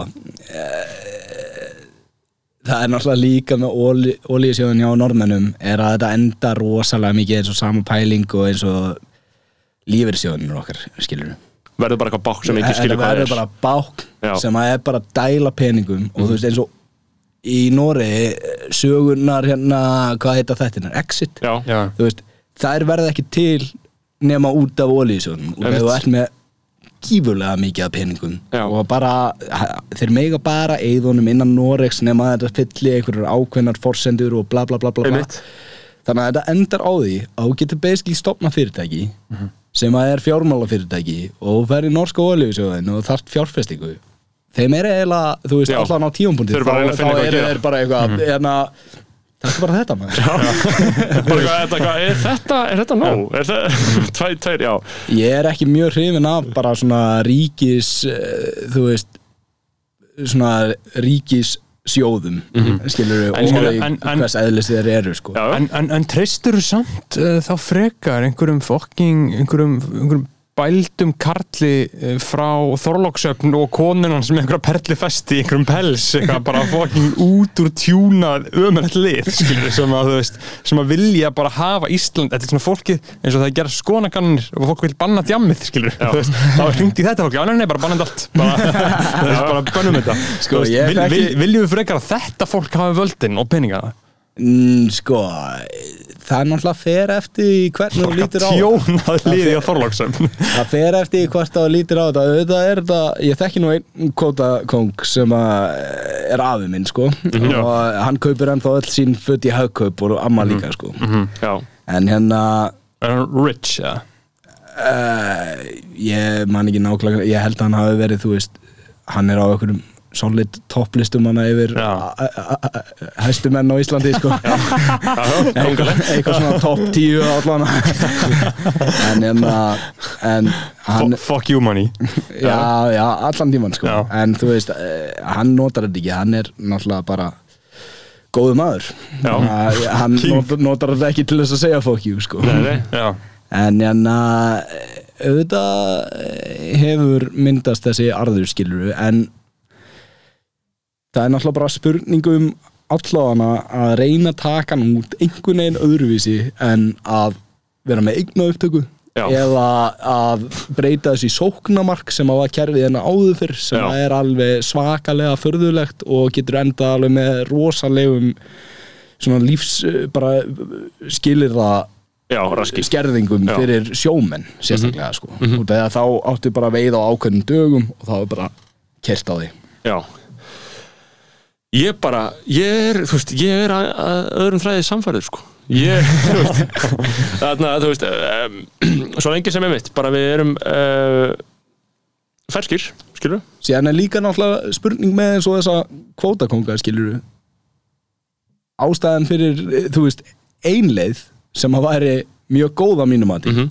út af því að ég er talsmaður ekki endilega þess að hafa enga skatta sko en ég er talsmaður þess að einfalda skattkerfið og hafa það samræmt. Já, og við erum með ættum að- verðisaukaskatt og við erum með fjármannstekjuskatt sem er mikið minni en te- tekjuskattur. Já, og ein góð leið til þess að taka á arðgreiðslum og öðru þannig að menn séu ekki að kaupa perlufesti handa koninu sinni í Þorlásöfn sem að er hvað sem er alveg að fara að já, þá, já. þá ein góð leið væri að færa þetta saman þú veist, 30%, 30 á hver stig Hitt- hittast í miðjunni. þá getur ekki Já. fært þetta á milli og eignamenn að- séu ekki að græða meira Já. en eða, þú veist, að borga minna hlutfallslega heldur en fólk. Það eru margir sem myndu vilja það eru margir sem myndu vilja einmitt vera að, að uh, núna koma inn einhverjum samfélkingamennir í stúdíu og passa ykkur. Þetta er þetta Óli Kjaran eða? Nei, ekki Óli Kjaran en uh, Jóhann Páll. Jóhann Páll. Já. Teng, Þetta eru tengdir aðilar þarna, en sko Ég sá Óla á hann hann er Það er gaman að rífast að hann um hvað Nei, sko, þarna uh, uh, þessi fjármakstekjuskattur, margir vilja hækka hann aðeins. Skilur við, ef við getum lækka hitt á móti þá var það kannski bara veistla Já, Já, ég Já. var í mjög til í að lækka bara tekjuskatt Já. yfir höfuð sko. Mér er fáralegt, þú veist Ég var tekjuhár en ég var samt ekki það tekjuhár að þú þurfur að taka með 50% eða bara helmingin af tekjunum mínum sko. Ég er farin að hugsa þetta í setni tíð smá, sko, ég er með tekjur bara svona vennilega laun. Og þeir taka allt, sko, þeir taka allt af mér. Sko. þeir taka, bæki, ég veit ekki, þú eru ekki verið sem að hefna Ég, tekjur í ég, smá er- stund. ég er náttúrulega, ég borg ekki skatt, ég er Já, og ég er bara með endurskoðanda fyrir mig. Ég er bara, með fyrirtæki eða bara ég er bara í sjálfstöðum rekstri tek bara notu og kennindölu fyrir öllu og skattin borgar mér. Það er þannig. Það er Ég bara með Keflavík hjá mér sko. já, já, þú veist, ég, ég er bara ég, ég er bara skilaði bara til endurskóðum mín sem er fucking king. Það er svo mikill kostnaður maður. Já, já, og ég svo mikill kostnað við reksturinn á hljósveitinni og svona Já, og bara, þú veist, og, og í bónus fyrir seðla, skilur, Mhm. sem að uh, koma inn frá hinni tekið hliðin, skilur, að kemur eitthvað inn þaðan og, og bara skatturinn borga mér. ég fann að hugsa í setjum tíð bara, þú veist bara, wow, þeir taka, þeir taka helmingin af því sem þjána This, is- this is what they took from you. Já, Já. Og margir vinir mínir sem er lendi í þessu þú veist, þeir eru bara í svona einhverjum basic lúsera vinnum samt, þú veist, með háskóla próf og alveg svona eitthvað skrifstofumenn, skilur, þetta er ekkert eitthvað þeir eru ekkert bara á kassanum í bónus alveg skilur, uh, þú veist tekið sem dæmi um, þú veist, mjög lágt lö- lág laun sem er, sem er ámælisvert. En þarna og, þarna, og þú veist, ég, teka, ég segi ekki til að bassa bónus uh, bara að taka það fram. Og þeir eru svona að segja, þú veist að þeir eru með mjög, þetta eru menn sem eru með mjög lága leigu, leigu veit ég. Og þú veist, þetta er allt til, þú veist ef að, ef að kerfið væri gegnum þeim ríkt þá væri þeir ekki alltaf bara á 300 kredit bara í standandi vandræðum að komast í gegnum mánuðin, skilur Já, mér finnst sko, þú veist, mér finnst alveg frálegt líka eins og þegar maður tekur sko e, á góðum vertíða mánuði og maður vinnur viðbjóðslega mikið. Bara þú veist, þú vinnur basically ert kannski átján sólarhinga á sjó eða eitthvað og þú ert að vinna 14 tíma hvern einasta sólarhing og jafnvel aðeins fram yfir ef það er eitthvað sem að kemur upp á eða eitthvað svo leys Já, og þú ert bara að vinna baki brotnu hefur enga tilfinningir í hendinni þegar þú vaknar á nótinni og eitthvað. Og maður er að búast við því, skilur, ok, ég vann mér inn fyrir kannski tveimur og hálfur miljón og síðan færðu 1,2 já, Þú veist, og þú sér bara frádráttur 1,3 ár það var tekið 1,3 ár This is what they took from you. sem Vá. er náttúrulega galinn peningur sko. Nei, veist, ég hugsa alltaf, sko, ég hugsa alltaf bara, veist, ég með tekjur alveg vel, vel undir miljón, en veist, það er samt svona, ég hugsa samt eitthvað svona, látið mig vera, farið í fólki sem er tvær og halva, takið það þeim, og þau eru öll bara hei, fucking látið mig vera, farið er í fólki sem er líka- tíu. Ég er líka alveg sammála því sko eh, Mér finnst þess að þegar þú ert með 500 krónur 30% er of hátt þar skilur Já. Mér finnst uh, alveg Já, já. eh, sex, Þú veist, kannski 600.000 krónur á mánuði og það er tekið á þér 200.000 krónur þú þart meira en Já. 400.000 krónur til þess að lifa og Já. hafa það gott og vera Já, Palli, það er það sem ég, það er nákvæmlega sem ég er að tala um Þetta er þessi 600-700 konar lifestyle Já. og það er allt tekið að þér og þú Já. ert strípaður þú ert bara rétt kemst á nullið fyrir lok mánar og bara Já. gerum þetta aftur sem er meina, galið sko Uh, já, já, en, já, já, þetta er alveg rétt. Jú, eins og við um talum á. Svo, svo þurfum við pening í samnæsluna líka, skilur Já, Já, bla bla bla bla, bla. það mætti samt koma annar staða frá ég er sammálað því skilur Já. hækka, hækka hérna fjármannstekju skatt Já. það er Já. bara ein Já. leið til þess að tryggja gífurlega mikið af Já. pening sko. Já, Það gífurlega mikið já, Hver prosent og Sko, sko fjármakstekju skattur, Já. uh, hvað nákvæmlega er það? Það er bara, er bara skattur af peningunum sem að peningarnir er búið til. sko. Já, það basically. Vextinir. Já, vextir í arðgreiðslur banka, fara í- Já. þannig séð þá er það peningur sem þú grætir á og mér væntilega að bomba því bara upp í 80% eða eitthvað.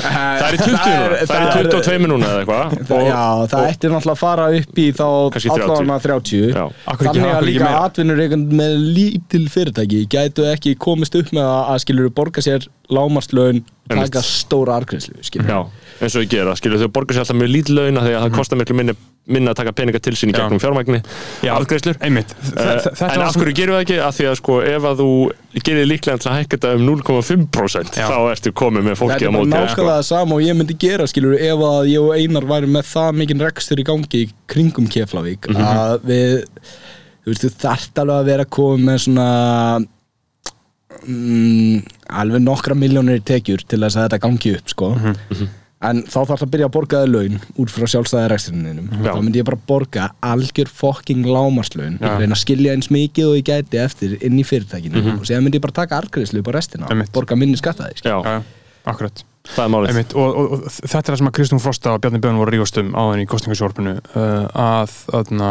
að Kristún vilja taka 1% af þessu og Bjarni sagði að hann væri að fara að taka 5 Mér finnst þetta ógeðslega gott þegar að Óli Kjaran lappaði fram hjá gráðan Hann er hann að eitthvað kostningastjóri Já, hann er þannig að með puttan í þessu. Samfylkingin. Ég held að sé Já, þingflokks, starfsmæð þingflokksins já. hann, er- hann, er- hann er Kasper Júl, spindóttar. Hann er að við höfum ekki séð hvað náðan langar tíma sko. Og ég hérna var á Júsú Veifa á hann og svona, hann kemur inn Og eitthvað, ég veit að þið er ekki sannfærað þig. Réttir kæristinu minni bækling og eitthvað. Sjáðu, Kristján Frosta Og sjáðu, Jóhann Páll Og lætur hann Og fer síðan í burti heldur þú að fara að kjósa það? Uh, nei, mér finnst ekki verið ólíklega sko. Ég held að bæði ég og pappi hennar myndum uh, stránglega mótmálaði samfélkingunni Já, ég er ekki mjög hrifin af þeim sko. Ég elska ekkert meira en Íslandika sem hata samfélkinguna sko. Já, ég hata engar sko. Nei, nei, en þú veist Það er algjör óþarf að kjósa en ég meina, uh, eins og er eins og er að gera sér í bandarækjum þá er svona far right og far left alliances skilur, ég meina, hvað hva stendur það? Fílar Gunnar Smára? Uh, Nei, alveg uh, Sko, reyndar Gunnar Smári Ég hef eiginlega svona sama respekt fyrir honum og ég hef fyrir Brynjari Níels, Níelsinni Ég elska bara svona veruleika fyrta staðfestingu já. já. Þetta er bara, þú veist, þessu Gunnar Smári talar talar og hann hljómar alveg frekar sannfærandi sko. Einmitt, hann er hann er samt bara að segja sko. Já. Já, Já. einmitt hann er bara king sem hefur enga að tapa. Já, já, allan tíman, hann er líka svona svolítið eins og Þorður Snær, sko, þú veist, hann er góður fjölmiðla maður. Já, og rosalega góður. Ma hvað- upplýsingar. Já. Já, að upplýsingar, tekur tölunar, tekur Já. allt, sko, hann er með allt á hreinu, skilur Já. Þannig að það er rosalega erfitt líka fyrir mig sem hann bara basically hlustar á hann og er bara þetta er bara kjaftaði, þetta er en þú getur ekki alveg útskipt hvernig. Já, ég veit bara ekki hvernig ég á að segja þetta. Þa, það er náttúrulega be- bestu, ég er ekki að segja Gunnar Smára sé það því ég fokka með honum djúblega uh, en það er bestu konmenninni að getlengum samræði við hann eitthvað. Og, ég, bara- og síðan einhver spurði og maður svo hvað að segja, fokk ég var ekki neitt hvað en Þetta, þess hérna, við lendum í rosalega svipum gaur hérna, ég ætla bara að koma með smá þetta er líka bara svona almenn líking sko. við hérna vorum á Tenerife ég og kærasta mín og uh, vorum með tveimur öðrum pörum. Síðan vorum við að labba framjá og kemur einhver illa tanaður uppkókaður ástrali sem er að reyna að selja okkur jetski og skilur hann byrja bara að tala og síðan endan var hann búinn að kaupa jetski og maður veit ekki hvern maður er að mæta eða hvað það var að borga eða hvað það er sko. Gefa honum peningin Ég, ja, ekki einu sinni það sko. Maður vissi bara Samt bara ekkert. hvernig búin að skrá þig og bara, bara komin alltaf djúft í þetta Já, bara komið með eitthvað umslag sem stendur á bara einhverja tölur og þú bara, já, já. Þetta er verðandi sem sigra heiminn og, og maður getur einmitt ekki, sko, veist, þetta er bara er bara einfallega, sko, þetta er bara eitthvað sem er hægt, sko, að gera við fólk og fólk getur gert sjálf það er bara einfallega að þjálfa sig í um, framsætningu, tjáningu uh, snúningum í orðræðinni þú veist, og bara nýjir frasar nýjir frasar sem meika sens við nýtt samhengi og bara búið til einhverja nýja stemningu. Og þú veist, og við erum með þetta fólk á vinstri væng og hægri væng og mm. miðjuvæng sem engin veit einu svona akkur þau gera það sem þau gera eins og framsvonflokkurinn reik, velegt fólk. Sko, ég ángjóðs veit ekki hver tilgangurinn er með Já, ég, ég, ég kýs alveg Hvað hva vil ég það? Það er næsta ár þá er þetta eitthvað, hérna, borgum heimilin. Og maður bara eitthvað, já, ég er alveg sammála en ég er að menna, what the fuck?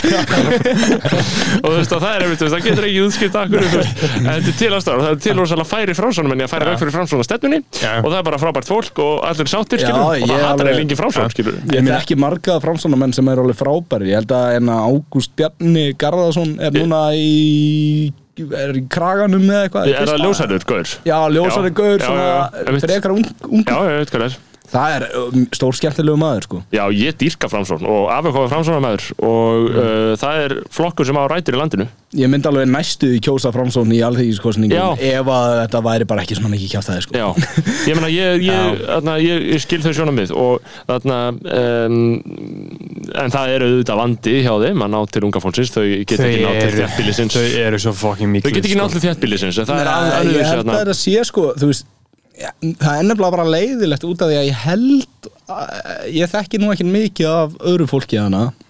Þekki reyndar held ég Eh, Jú, ég þekki alveg eitthvað Mm. fólk en ekki, ekki mikið af fólki. En ég svona hef þá hugmynd að þegar að þetta splitt gerðist millir miðflokksins og framsunarflokksins þá hafi það verið rosalega leiðileg þróun að miðflokkurinn byrjaði að taka mikið fylgi en aftur á móti þá held ég að þá hafi framsunarflokkurinn losnað við mikið af svona bleiku Já. fílónum í herbygginu já. þetta er bara örgulega flest Einmitt. gott fólk eftir sko. Það er bara að- málið, maður ég- getur ekki verið reyður út í framsókn út af því, ég, ég, var, ég var að hlusta á uh, þegar Sigmundur Davíð var formað franskólagsins, ég var að hlusta á eitthvað uppistand hjá þarna, Berg Ebba, bara eitthvað gaman Ísland, það sem hann var bara að hakka framsóknarflokkin í sig og Sigmund Davíð og bara að framsókn væri bara því epitome af öllu, það, öllu því hræðilega Íslandi.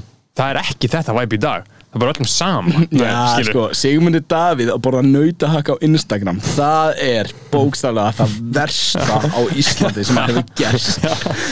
Eða það besta. Eh, ekki möguleika því það sko, það er örgulega til einhver bara þau, eitthvað morð á Íslandi þau ná ekki einu sinni því Já, hversu ógæðslega ömurlegt það er að Sigmundur Davíð hafi borðað nautahakk á Instagram. Hann er náttúrulega í rosalegri krísu kallinn sko. Já, já, það hann er er- ekkert að ganga líka skeggið er alveg er Ég tek svolítið sama Pól og Bergabi sko þegar ég er að tala um þú veist, stjórnmálamenn eða listamenn langar mér svolítið að fara í lúkið að Sigmundur Davíð þyrfti eiginlega bara, að byrja- bara fitna og byrja að kóka aftur sko. Já, Það já. Ég sko verðin að taka upp hanskan fyrir hann Mér finnst hann alveg lúka, þannig sé Mér finnst hann ekkert svona slæmur sko. í álfurinni, ég er alveg sko stórkostlega ósamanlega Já, ég, ég, ég, Ég, ég fíl ekki svona, ég svona, svona feita gaur sem eru mjóir maður sér að laða mér feitir. Já, skil- skil- það er ömulegt, ömulegt lúk sko. Ég ég held sko- að hann ætti að fitna sko. Að því að hann, hann líkamstæðan hans er já, eins og hjá manni sem að er uh, í yfirþyngd og Já. líka sko, þú veist, ég er 25 ára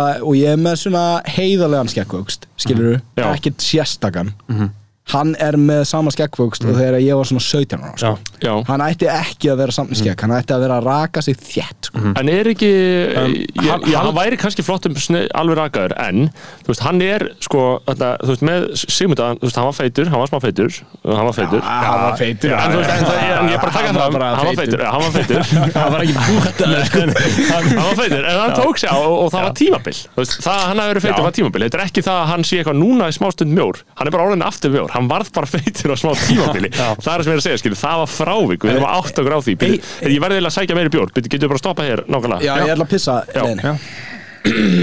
komin áttur, uh, Sigmundur Davíð að Já, hann er uh, eitt svona áverð af því að hann alltaf bara hann uh, stendur ekki fyrir neitt og hann gerir bara einhvern veginn eitthvað sem eitthvað gera, hann vil bara völd það er- hefur svolítið sínt sig. Þá væri svolítið áhugavert að sjá uh, að því að ef við verðum að tala svona um hvað stjórnmálumann annan sem er. Við vorum að kalla hann feitan og segja hann um bauga og, og ljótur og eitthvað með vond lúk uh, allir skilur venjulegir stjórnmálumenn myndu nota þetta sem svona búður mm. trauma vultures skilur uh, og myndu fara að tala einhvern veginn um þetta. Haldið þið að Sigmundur fari inn á þá braut að svona fara að tala um áföllin sín og na, hvað allt er erfitt og e eitthvað svona skilur hann, hann er að reyna þetta sko, Getur hann það? hann er að reyna þetta strongman persóna dæmi Já. sem hann náttúrulega bara þú veist byrjar í fasismannum en náttúrulega byrjar löngu fyrir fasismannum svona í Ég held að- líðaðislegum stjórnmálum Já. byrjaði að væntalega bara með Mussolini Já. og þeirri pælingu sko ég held að hann færi aldrei svona látt að fara eitthvað væli við þessu þú veist, Nei. ég held að á ákveðnum tímapunkti í lífinu og í stjórnmálum þá hlýtur að vera komin á þann tímapunkt að þú vilt bara fólk ráðist á þig, skilur, þú hefur ekkert að gera þér leiðist, þú vilt bara fá góða árás samfærandi árás, skilur Já, já, eitthvað svona BDSM shit sko. en já, eða bara svona eitthvað, eitthvað til að hafa, hafa óna fyrir þér, sko. En, en skilja ekki Ég pælinguna, það held er, það að- er fullt af einhverjum svona beta gaurum í Vafgi og Framsókn og eitthvað sem að myndu nota einhverjum svona svíðingar og weaponæsa þær fyrir sjálfa sig. Mm, Ég myndi samt segja, kannski, kannski er ég bara að vernda 16 ára mig frá Já. Já. þessum sko, eh, skotum sko. en ég myndi samt segja eins og skilur við með hérna, hvað heitir hann aftur eh, það var ekki ég. Það er ég, sorry. Uh, hvað heitir hann, uh, Rúti hérna, Giuliani? eh, Giuliani þú veist, eins og hann, skilur við menn elskuðan, það var alveg mjög klýr frá byrjun að hann var snarkeðugur Já. en menn elskuðan náttúrulega bara út af þessum viðbröðum við hérna 9-11 Einmitt. og hérna uh, Sigmund Davíð aftur á móti held ég að hafi komið inn sem sæmilega heilbreyðugur Já. og bara þú veist hann bara höndlaði þetta ekki. Hann höndlaði ekki að menn væri að hnýti í hann höndlaði ekki að allir væru á honum skilur Já, og hann bara, þú veist, eitthvað flippaði inn í honum, ég held að hann hafi komið inn venjulegur, Já. hann hafi ekki verið geðugur allan en síðan bara skilur gerist þetta hægt og rólega, þegar hann verið þorsatur að vera á eitthvað svo leis Pæli hann lúkaði alveg ágætlega áður sko. Já, nei sko ég, eins og segi mér finnst Sigmundur, hann er ennþá með, þú veist, það er talað mjög yllumann, það er alltaf læg en hann er samt ekki, þú veist það er svona smá liberal pæling sem við myndast í kringum að hann sé alveg bara algjörlega í rugglinu, hann er líka að segja fullt af sitt sem bara eitthvað, já, ok, skilur allt í lagi með þetta, og svo fer hann aðeins út af brúnina, Já, við, já. skilur ég held að þú veist hann er ekki að segja mikla jáða sko, þau eru ekki eins og á móti COVID, þau eru ekki að tala ítlum innflytjendur, þau eru ekki að segja neitt sko. Ég er alveg fáralegt að hann ekki tekið þann pólun það hefði verið svo típist hans múl Mjög að auðvelt fyrir hann. bomba bara í, þú veist, Brynja Níolsson bara eitthvað Já. þess að grímur ger ekki neitt Bara einhver gauð sem gerir eitthvað. Hann er- hann er, hann er með einhverja samfæringu hann hefur sagt bara, já, ég meina, COVID er bara eitthvað sem við erum bara að býða okkur. Ég held samt að eins og þetta útlendingasystem hjá honum sé bara þú veist, ég held að hann komi frá svona eh, ekki þeim sama hérna bakgrunni, en svona svipuðum bakgrunni og eins og Gísli Martin, sem Já. að skilur fer út og menta sig og eitthvað svoleiðis, hugsa um já. borgina eitthvað svoleiðis. Og ég held að hann hafi komið frá mikið svona meira liberal rótum sko. Hann kemur þaðan, sko. Og síðan skilur umturnast þetta þegar hann verður fórstætt svo að lendir í þessu dæmi. Lendir í því. Að kemur sér í það. Kemur sér í þetta dæmi. En ó, ég lendi bara í einhverjum slag. Já, já. Það er einhvern sem lendi að vera ásakaður á nöðgunum Já, helvítis. Nei, ok, hann kemur sér í þetta þú veist, kemur sér þetta dæmi og síðan þá, þá er þetta bara eitthvað núna er hann að reyna að byggja eitthvað svona strongman persóna og þú veist, ég held að hann hafi aldrei verið með eitthvað svona innflytjenda efasemdir áður. Nei. hann er bara að gera þetta fyrir atkvæðin, skilur hann fattar miðflokkurinn er að höfða til svona uh, 40 plus landsbyðin reyndar líka en á höfuborgsvæðinu þá er það er það já. sama sko. Bara 40 plus íhaldsamir menn í skilgreiningunni svona eins og Durgar. við lesum já, svona durga dæmi. Þú veist, bara eitthvað, einhver flóttafylgst kemur frá Afganistan og þá er það bara Taliban í skilur Já, já, uh, Talibanis Talibanas, Talibanas, já. Uh, ok, býtu, hvað voru að ræða hérna áður en við fórum hérna alveg inn á einhverja brautir Já, sko- skálsóknina Við höfum uh, ekki mikið talað um uh, músíkina. Nei, Já, og ég minna Tónlistarmaður, þú ert tónlistarmaður. Já, þeir voru, þeir voru ekki út blötu núna fyrir uh, nokkrum vikum þegar að segja þetta kemur út á nokkrum dögum eitthvað. Já, já, hvernig kemur þetta út, þið það? Við erum ekki alveg Uh, klára nei, það kemur ekki út, kemur, kemur ekki kemur í ljós, ég veit ekki nákvæmlega. Kom út uh, miðnætti 2007 Á- ágúst, já. Ok, fyrir nokkrum dögum þegar þetta er tekið upp. Svolítið stór plata, 12 Já. lög eða eitthvað eða ekki? 11 lög, Já, 11, já. 34 mínútur eða eitthvað, og mjög góð, ég er búin að hlusta. Já, samanlega takk ekki virkilega góð Uppáhaldslægi mitt er þarna um Stefán Kokain, þarna, taugarnar í heilanum. Já, en af hverju er enginn hérna reyður nema ég? Já, Já, þetta er, þarna, mér finnst þetta uh, svona lýriskur mér finnst ákveðin lýriskur genius í þessu sko ekki að ég vilja hérna sitja hérna og, og hrósa þér allan þáttir en mér finnst uh, það er eitthvað í þessum textum hvað er þetta að gera með þessa texta? Náttúrulega, ég er náttúrulega mikill hérna bókmenta svona ljóða bókmenta pælari sko Ertu að lesa út á sjó eða? Les náttúrulega mikið og náttúrulega hlusta enn meira. Ég Mhm. er náttúrulega að reyna að geima þú veist, ég byrja að hlusta á Blood Meridian eftir Cormac McCarthy. Það gengur ekki sko, þú ætti að Mhm. Lesa hana. Já, já, já, þú veist, þannig að maður svona byrja stundum að hlusta á eitthvað. Sumar Já. fagubókmentir virka Þetta, er eins og Hallgrim Helgason er alltaf í stóri á sér að hlusta á Proust þannig að uh, ég leita glötu um tíma og ég bara reply á hann. Að láta hann vita að, að, að þetta er íslensk þýðing skilur Já, þú, átti ekki að hlusta þetta sétt skilur Það er þú veist líka, já náttúrulega ég reyndi líka hérna uh, hvað heitir það? If, uh, if on a winter's night a traveler Já. Það gengur ekki, þegar þú ert með eitthvað svona pælingar Já. og eitthvað svolítið Þegar gengur þetta það er eitthvað postmodernist þá er þetta ekki alveg síðan eins og Jón Kalman skilur það gengur. Það gengur mjög vel á sjó. Út af því hann er Ok. líka hann er hann með les svona, þetta svo fucking fallega líka sko. já stíllin er líka skilur stíllin er þannig að hann byggir rosalega mikið eins og ég á endurtekningum skilur já, þá gengur þetta út af því að skilur fallegasta myndmálið er endurtekið og þú nærða að melta Einmitt. uh, lírikina í Ok. okay. textanum sko. Já, Ég hef, Sko- ég hef ekkert lesið þetta Jón Kalman nema að saga ástu, það er eina sko mér finnst Er hann king, eða? hann er góður en mér finnst alveg oft á tíðum þetta er eins og hann að, hvað heitir aftur tríleikurinn hérna sem að þrýleikurinn með þríleikur- helviti eða, já, já, heiminn og helviti. Já, heimur ekki helviti já. hann hefði alveg mátt skilja við fyrstu bókina bara. Já, já. sleppa hann, næstu hann er sko. rosalega langorður en sko það besta sem Jón Kalman hefur skrifað eru er tvíleikurinn eh, sem sagt, um Keflavík. Þar að segja fiskarnir hafinga fætur og þarna eh, held ég eitthvað á stærfi alheimin þær bækur eru til þar sem hann les þær sjálfur Eh, Já. þú verður að taka það á sjónum. Það er bara, þú veist, það eru bara bækur sem höfðu áhrif á mig, sko, því að ég er, ekkit, ég er alls ekki hrifin á öllu sem Jón Kalman skrifar. Ég meikaði líka í nýjustu bókina sem er að hún eitthvað svona bleða uh, en hann er svakalegur stílisti. Hann er, ekki, hann, hann, hann er skemmtilegu kall, sko, gaman að hlusta á viðtöl við hann, sko. já, ég hef Hann- eiginlega hann- ekkert gert það sko. Hann, ég hlusta, ég á okkar podcast við alveg hann hugsa, hm, ég Já. held að, ég held að hann held að hann væri whack, skilur, já, Já, ég, ég held að hann er það ekki, sko. Nei, og hann er svakaleg stílisti og talar með mjög svona áhugaverðum hættu auðvitað mjög mikið um konur og kynlíf og Já. svona, þú veist, eitthvað svona Þessar bitches. já, ég held að, ég held að svona, ég held að svona meðaldra konur Já. í einhverjum bústöðum með hvítin séu mjög hrifnar af þessu Já.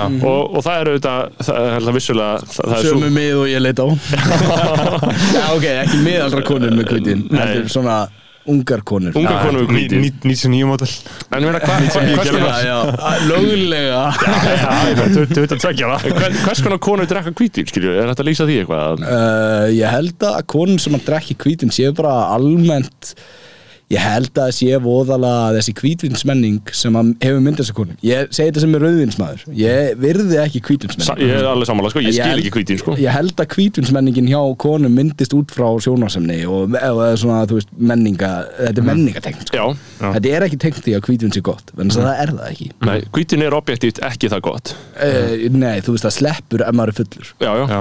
Uh, og svona einhvern veginn sko er vannmeti vín gott Já. freyðivín eða kampavín er besta vínið sko. já, já, ég er mikið í móeinu Já, sko bara kampavín, hverstags kampavín er gulli Það er betra líka Hemingway sko Ég, ég hugsa líka Já. mikið af mínum áfengisminstrum koma út frá menningatengdu Já. hérna, efni sko Já. og eins og Hemingway ég er oft stundum bara að leita á netinu hvað hann var að drekka þegar ég er að ákveða hvað ég ætla að gera og hvað var hann að drekka? Uh, hann, hann er náttúrulega mjög mikið í svona bitter svo einhverju dóti, sko, út af því að hann man ekki nákvæmlega af hverju en hann má í rauninni ekki drekka neitt sætt þannig að hann bjóð til eða svona þú veist sigrað þannig að hann bjóð oft til eitthvað svona ávakstar tengt og eitthvað dót og ég man eftir því að ég gerði hann fyrir svona árið eitthvað þá Já. hafði ég svona hérna koktela kvöld þar sem ég gerði bara uppbóls koktelina Já. á Hemingway Já, sko. það er gæðut og hérna Þú veist, ég, það er ekkert eitthvað endilega sem að setur á neti en það er bara gaman að segja frá því, skilur Já. ég get hérna uh, prófað að leita Já, þetta er sko, það er alveg til sko Hemingway Cocktail Companion, þá er það bara 35 new recipes, þetta er bara 100% til sko Er, já, hérna það, ég keipti djúsvél líka Ég var blind fullur í Elko og kaupa djúsvél á sunnudegi klán fjögur Og hérna, síðan er það Ég gerði Papa Double. Og það er whole grapefruit í því. Mhm. Já, wow, það er ógæslega mikið af grapefruit líka. Og síðan gerði ég líka Death in the Afternoon Sem Já. er uh, absinthe í kampaðinn Já, ó, wow, nice. Ég man ekki hvað absinthe það ég keipti en það var Moe í kampaðinn sko. Ég er Sko, ég er að segja, því, þú sko. veist, ka- kampavínu hversteginum, það er kóngalegt shit, sko. En Hem, Hem, Hemingway, ég meina, hvernig, uh, hvernig lifði hann? Dó hann á sorglegan hátt? Hann var náttúrulega, hann sig. kannski Já, er það? En hann með draf samt sko. eiginlega kannski ekkit endilega út frá þjáningum andlega sko, auðvitað Nei. voru Hann var- eða ekki? hann var Svona 70, gamall 60, en hann 70. lendi tveimur flugslýsum í röð og hérna lifðu bæði af bæði, sem er náttúrulega fráleitt Tvö sko. ótengt, bara Og tvö ótengt Já. flugslýs hann var samt náttúrulega alltaf að gera eitthvað rugglað sétt skilur en hérna og hann varð svo veikur líkamlega að það fór eiginlega yfir á sálina í honum. Já, já, hann var alveg ágætlega svona veist, auðvitað er engin listamaður andlega heilbreyður sko. En hérna, hann var ágætlega andlega heilbreyður miða við hversu gífurlega Mhm. þú veist djúpur listamaður hann var hann var, Já. lifði í listinni Já. hann fór í fokkin fyrri heimstyrluna bara til að skrifa bók ég veit það alveg já. hann, seg, hann sagði það aldrei en A Farewell to Arms er bara, þú veist, hann gerði hann fór í fyrir heimstöldunum til að skrifa þessa bók sko.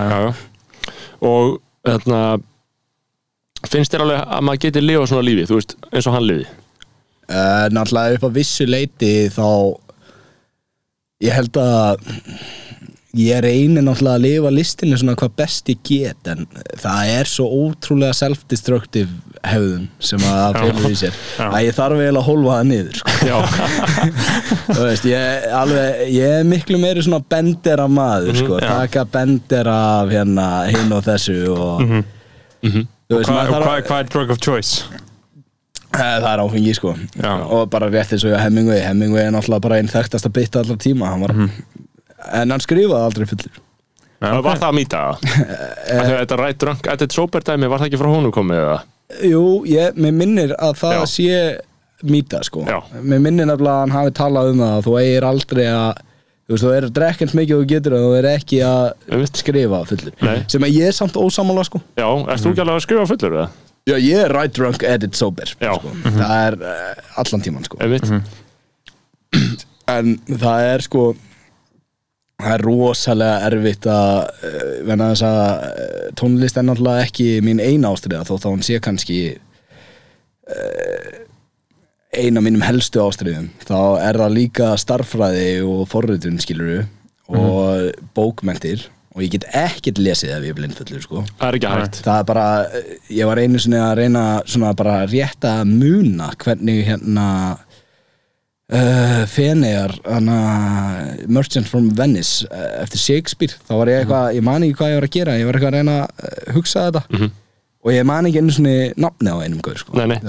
Það, það dettur allt úr mér þegar ég fyrir sko. það er ekki eins og hægt að lesa friðin, skilur það er kannski smá hægt kannski. Þú gleymir bara þú ert ekkert alveg upp með full FM, þú ert ekkert að græja þetta, skilur. Nei, nei. það er líka bara, þú veist, þú maður á að lesa því, sko. og þunglindur, sko. Já. Já, þú veist, maður á sko, ég vil meina það að þú er að forrita þegar þú ert búið með svona 2-3 bjóra. Já, en síðan áttu bara svona hægt og rólega að drekka næstu bjóra. Já, bara svona þú átt að halda hérna, þetta heitir Ballman's Peak og ég Já. trúi algjörlega á það sko. Að halda sér í ykkur svona, hefur þú sér drúk að það er myndina dönsku, eða? Já, já, já, já, Er allan tíman sko halda ykkur um balans bara? Geðveik mynd, Já. Geðveik mynd, já, Það er það sem er lífið snýstum bara að dósa sér rétt sko. Já, Í allan einu og tímann, öllu. sko. Síðan er það saman sko, ég er allan tíman mjög mikil meðmælandi þess að þegar þú vaknar á morgnana og ert að drepast þið þingu fá þér tvo bjóra. Já, 100% býttu höfuð að Þá er, skömminni. annars ertu bara eiðilegja heila þinn sko. Já, býttu höfuð að skömminni, þú verður að jafna þig út. Já, allan Það tímann, er eitthvað tabu með afréttar á Íslandi, sko Já, það er eins og þú setja einhver alkoholisti en sko, þú ert alkoholisti ef þú farið tvo bjóra og verður, eða þú veist, auðvitað ertu alki alltaf, ef þú ert alki. En, þú veist, það er óheilbrið hegðun að fá sér þess að tvo bjóra og bomba í sig nokkrum í viðbót og hrinja bara í það aftur. Já, ég er að segja, þá, þá ertu auðvitað en ég er að segja, skilur, ef þetta er taktíst move hjá þér skilur, að fá þér Mhm. tvo, þú að veist að þetta það- jafnar þig út skilur, og þú veist að þú getur náð transition yfir í venlega lífið svona, skilur eðlilegt að gera það, fyrst þú ert hvað sem er að drekka eitur, skilur, að þetta láta þess að hafa ekki að drekka eitur líka kvöldi á þér, skilur snýst allt um strategi sko. Já. það er bara, þú Dósa veist, sér rétt. Já, já, allan tíman sko. En ég meina uh, Við má tala um tónlistina. Þannig að ég meina hlust, Þú hlusta mikið á tónlist. Ég hlusta rosalega mikið á Já, og mikið á rap líka ekki? Hefur alltaf gert það? Uh, jú, ég hlusta mikið á rap en ég er svona sem mjög pikki á rap sem ég hlusta á sko. Já, Já, það er svona, þú veist ég hef gaman af líka það fyrir svolítið stemmingu. Þú veist, Young Thug ég hlusta ekki á hann heima á mér en ég hlusta á hann í rektinni já, og veist, það er svona Já, já. víbru Já. pæling sko. atmosfýr, ég hlusta á það heima á mér skilur já, kannski reyndar nostalgíu tengt sko, en það sem ég, mér, sko þarna, maður hefur lustað á ófá viðtöl. Viðtöl eru ömulegt koncept, sko en þú veist, það er svona, mér finnst þetta það sérstætt dæmi að, þú veist, mér langar að spyrja, skilur, hvað akkur ferð að búa til tónlist, skilur þetta er svona klassiska, klassiska versta spurning Þetta er svolítið tryggva spurning. En, fatt ekki að, að mér langar að spyrja henni núna, skilur bara, ég tengir ekki alveg við að það sé eðlileg spurning? jú, jú. bara. já, Jú. sko Við, erum í einhverjum svona post-ironíu heimi sem við þorum ekki að spyrja venjulega venjulega podcastur Við spyrum aldrei að spurning Sko, ég held að þetta sé bara saman pælingu með alla sem búið til tónlist. Að þetta er einhver svona geðviki innra með manni sem að heldur því fram að fólk vilji vita hvað þú hefur að segja. Veist, og ég hef greinilega þróað hana með mér frá hérna ungum aldri út að ég byrjaði 11 ára að reyna að búa til einhver tónlist og semja. Og síðan sko mamma mín eiginlega ól mig upp þú veist, ég held að planið hjá mömmu minni hafi verið að ég myndi fara í íslensku eða sagnfræði og taka doktorskráði því og vera að skrifa bækur sko. vera með mér nýri ártansdóttun bara. Já, basically. Og þú veist, ég held að það hefur verið planið hennar út af því að hún var alltaf að, þú veist, fá mig til þess að hún var að skrifa niður sögur sem að ég sagði þegar ég var þryggjára og var að láta mig skrifa sögur og las fyrir mig og lét mig lesa á hverjum degi og ég heiti örgulega, ég var byrjað að lesa þegar ég var þryggjára þú veist, og ég las ég var byrjað að lesa Harry Potter þegar ég var fimm ára, skiljum komið djúpt í þetta sitt Já, og þá held ég að þetta tvent hafi bara blandað saman að mér langaði að búið tónlist, ég var að spila píano og eitthvað, hafði aldrei áhuga að spila nótur eftir einhvern annan. Held ég alltaf bara að spila eitthvað á píano sem mér fannst hljóma vel. Mhm. sem blandast það saman við einhverja e, svona texta e, málgreind Einmitt. Og hérna og síðan blandast það líka saman við þá geðu ekki að halda að einhver hafi áhuga á því sem ég hef að segja Einmitt. nokkur lógisk skýring all, alleiða skýring sem kofar þetta alveg en svo líka eitthvað órætt í þessu, einhver sársauki skilur Já, já, ég er náttúrulega alveg snar geðvökur þannig séð, Já, skilur já. ég, Náttúrulega þegar ég með einhverja byrja greiningu á einhverju svoleiðis eða? Ég er náttúrulega með geðvökur síki 2 Já, Mhm. ok og síðan er ég náttúrulega var voðalega þunglindur, ég myndi ekki kalla mig sérstaklega auðvitað tekið þunglindsköst núna já, já, Mhm. sögum sögum geðvökur síkinar en Já. hérna uh, var voðalega þunglindur sem unglin, unglingur sko Mhm. og hérna síðan er þetta bara þú veist það tvent er svona held ég megin e, það sem að svona smítast út í tónlistina sko Já, já síðan er það saman það er bara einhver frum kraftur í þessu skilur já já, ég held að það sé það sko. Það er einhver sásöki skilur Mhm. síðan er þetta náttúrulega líka þannig að við byrjuðum á að tala um karlmennskuna skilur þá er þetta líka bara afleðingar hennar á þetta tvent skilur Mhm. og þegar maður er alin upp við að maður eigi að vera kallmaður og svona, eða þú veist ég var nú ekki alin upp af fórhaldur mínum við það sko. En Samfélagið og að þú færst þau skilabóð í öllu sem á innbyrðir. Já, samfélaginu. Og þá er kannski svolítið mikið það líka að spila inn í og ég reyni eiginlega bara þú veist að leifa þú veist, mér langar aldrei að hljóma svona eitthvað misogynistic eða, eða þú veist, eitthvað svoleið sko ekkert, eh, ekkert þannig.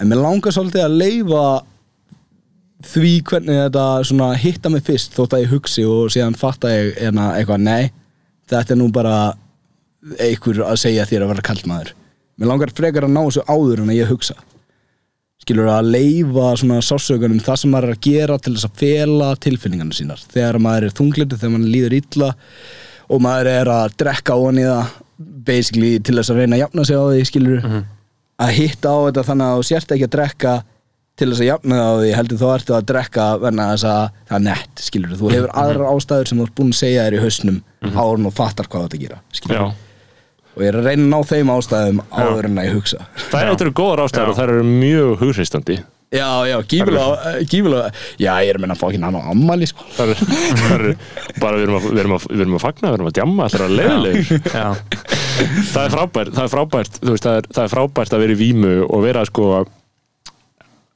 það er engar, engi, ekkert samvinskupið að þoka vímuna, skilur? Já, já, já. Leifa víminu bara algjörlega að ráða sko. Já.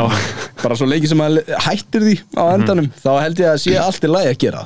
Já, og ég held að sko maður ætti að gera það. Ef þú ert á annar borð að fokka þér upp gera það bara, leiða að klárast fara sér að sofa, vakna og díla við það. Ekki eiðilegja þetta með þú ert að fara að grenja, skilur þó Já, já. einhverjir gerir það Einhver, auðvitað Einhverju gera það sko. Ég hef virðið það sko. Sko, ég hef nú aldrei Ég hef nú alveg gert það.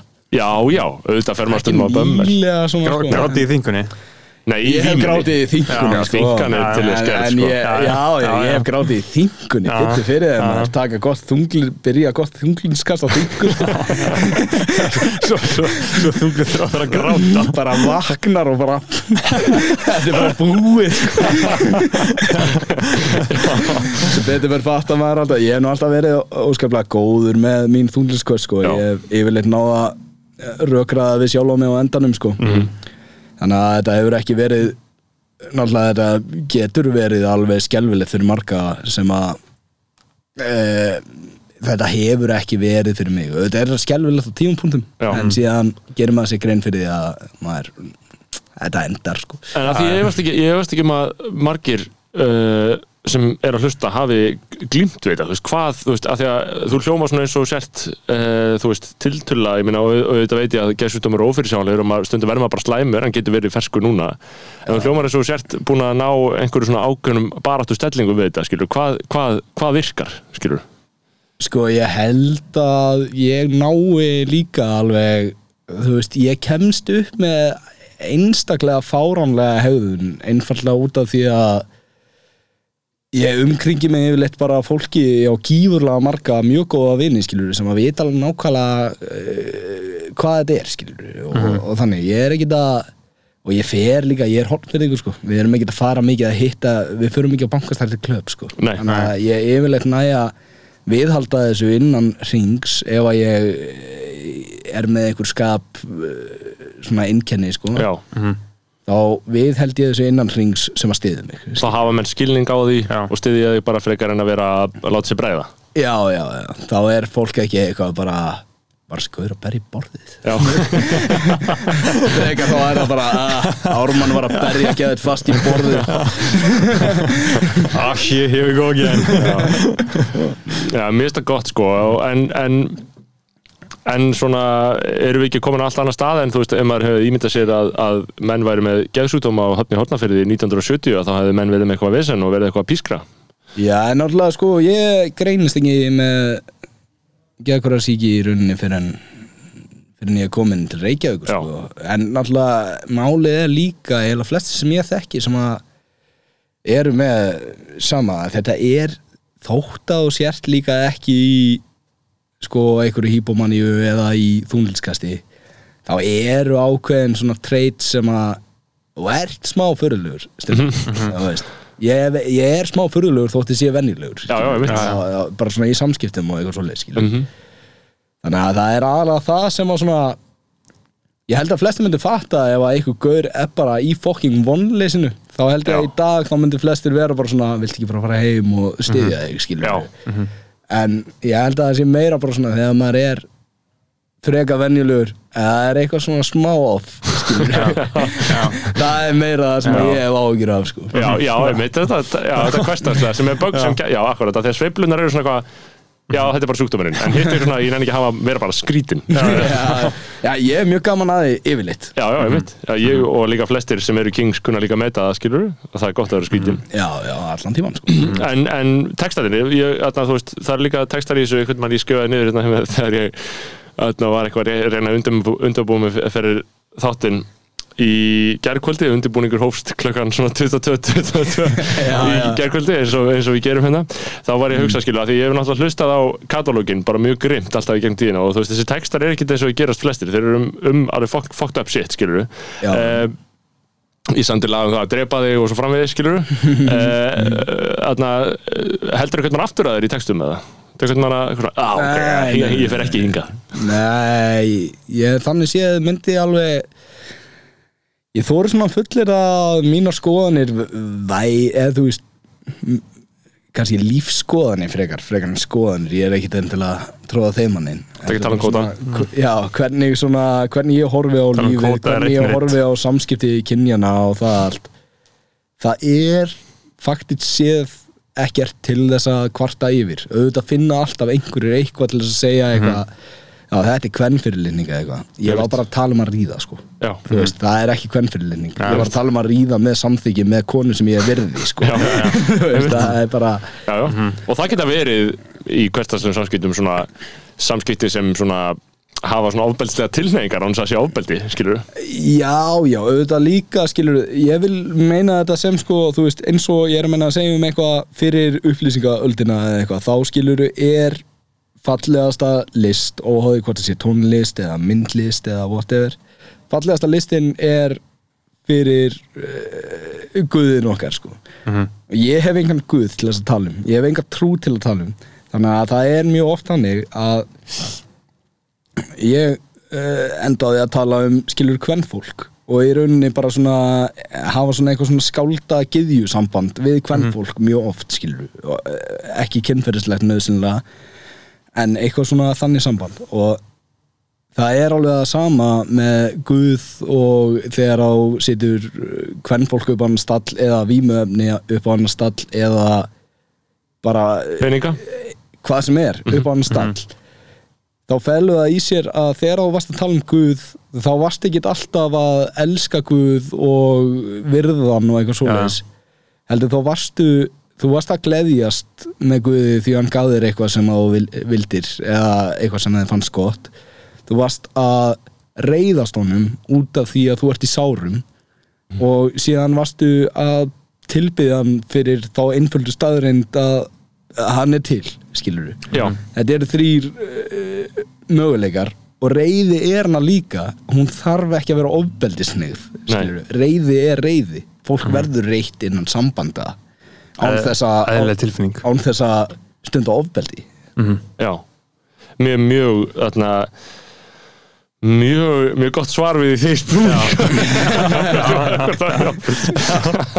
En, en, en, en hve- hvernig, hvernig eh, svona núna, ég meina Keflavík þetta er hvað, 5-6 ára gamalt konsept, uh, hvernig hérna, uh, hvernig hlustar á gamlu tónlistina?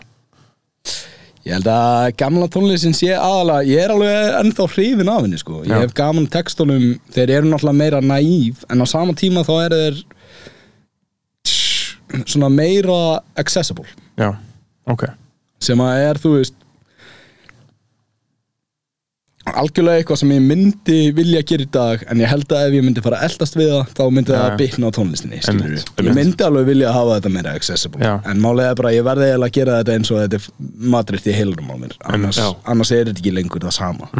Og hvernig hefur svo uh, þróun verið? Þú veist, verður flóknari og flóknari og... Ég tengi smá við þetta, sko. Skoðanabræður og flónar sér Já, já, Þú veist, það, það er að skrýtni layers uh, að henni ímsu, sko Og þú getur ekki staðið lengur við þetta ef þú ferð að vera, ef þú ferð að einfalda Já. málið Já, nei, þú veist, það er bara þá Þetta er bara það sama eins og þið myndu núna að byrja að taka venjuleg viðtöl. Því að fólk vil heyra það. Fólk elskaði Sölva Tryggva því ég hugsi það. Að byrja að taka venjuleg viðtöl farið út á Patreon, bombi auglýsingum einhvað netu mix en við erum að borða þennan netu mixi frá Láru. Og og værum bara að fá bara eitthvað, bara eitthvað bara fyrir, leikara. fyrirliða kvennarlandslisins í Já, já, Já, og sko ekki, ekki bara það að fólk myndi ekki nenn að byrja að hlusta á ykkur þá veist, sem að elskar svona stöf bara eitthvað basic lið sem að veit ekki einu sinni hvað Twitter er.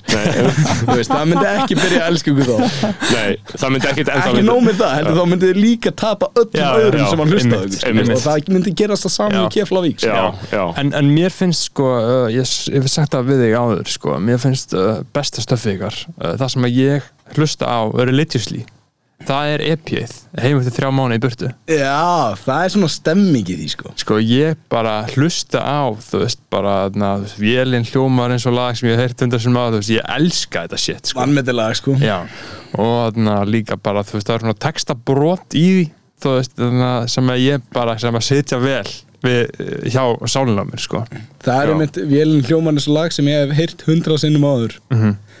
Það er bara einmitt líka að tala um að fljúa á melli hafnar í Hornafyrði og Reykjavíkur Já. sem að ég hef Já. einnig gert Já, allt of oft Mhm. solid ein og hálf miljóna mínum tekjum hafa farið í flug Já. fram og tilbaka Já, já ég er að le- líti yfir sko, ég er að líti yfir á Spotify sko, ég er að líti yfir lögin sko, ég elska þetta allt og, og þarna, ágætt ein var náttúrulega, þú veist, var það ekki eitthvað svona smá moment fyrir ykkur að vera svona að gefa út eitthvað svona það eða, þú veist, þið gáðu það út eða? Jú, ég held að það hafi verið svona það var svona á framhaldsskóla tímabilin okkar Já, og þú veist, uh, þá voru að spila mikið náttúrulega leiðan til himna, var rosalega vinsælt það er Því vinsælasta miður- lægið, eða ekki? Jú, ég held það er 450.000 play sko. Hún var held ég, ég veit að sumir hlusta á það fyrir raunverulegu, raunverulegu ástæðinu fyrir að það var til. Já, sem eru? Sem er hver? Sem að er, þú veist, þetta er djúpur sársöki, sko. Já, en ég held að svona solid 75% af þessum spilunum komum frá ungum krökkum sem að elska bara tipp og pík og ríða. Já. Og þetta er katsi skilur. Já. bara, hana, hún er að fróa sér og hugsa Já. um að ríða það er bara eina sem þeir, þeir eru bara að býða því. Þetta er svona eins og þegar við erum að spila skilur fyndið. Þegar við erum að spila í framhaldsskólanum þá koma versin og þá er allir bara býða sko hvenær kemur hún að fróa sér um, En það er náttúrulega góður húk sko. en við elskum framhaldsskólakrakkana ég vildi Já. ekki, ég vildi ekki Nei, nei, ég meina þú veist það, það, er, það, er, það er það sem við þurfið sko. það er, þið munið þurfa þau sko. það, það er, þau eru, ef þau fíl ykkur ekki þá veit ég ekki hver að fíl ykkur sko. Já, það er enda búið að minka gífulega núna Ég held að það sé bara eins og blöytt eitt langt vond sumar var líka alveg mikið, mikið svona koncepsjóli flóknara Já. eh, konceptverk heldur en nokkuð tíman Já. fyrstu þrjár sko. Nákvæmlega. Veist, Það er voru saga þetta er meira svona krónológísk uh, lína á huglægan hátt frekar en raunverulega þess er ekki þetta og síðan kemur þessi og það er Nákvæmlega, ekki svona tilfinningarleg krón, krónológia já. Já, og þarna uh, og hvað myndur þú vilja skilur þú, hvað myndur þú vilja gera? Myndur þú vilja lifa við tónlistina eða viltu vera í hinu? Eða, eða er ekki bara frábært að vera með hitt líka? Já, ég held að þetta sé bara, þú veist Mér finnst alveg fokkin gaman að læra verkfræði og gera nett shit, sko. Og hérna, ég held að ég myndi bara vilja hafa blöndu og báðu restan af lífinu minni, sko. Mhm.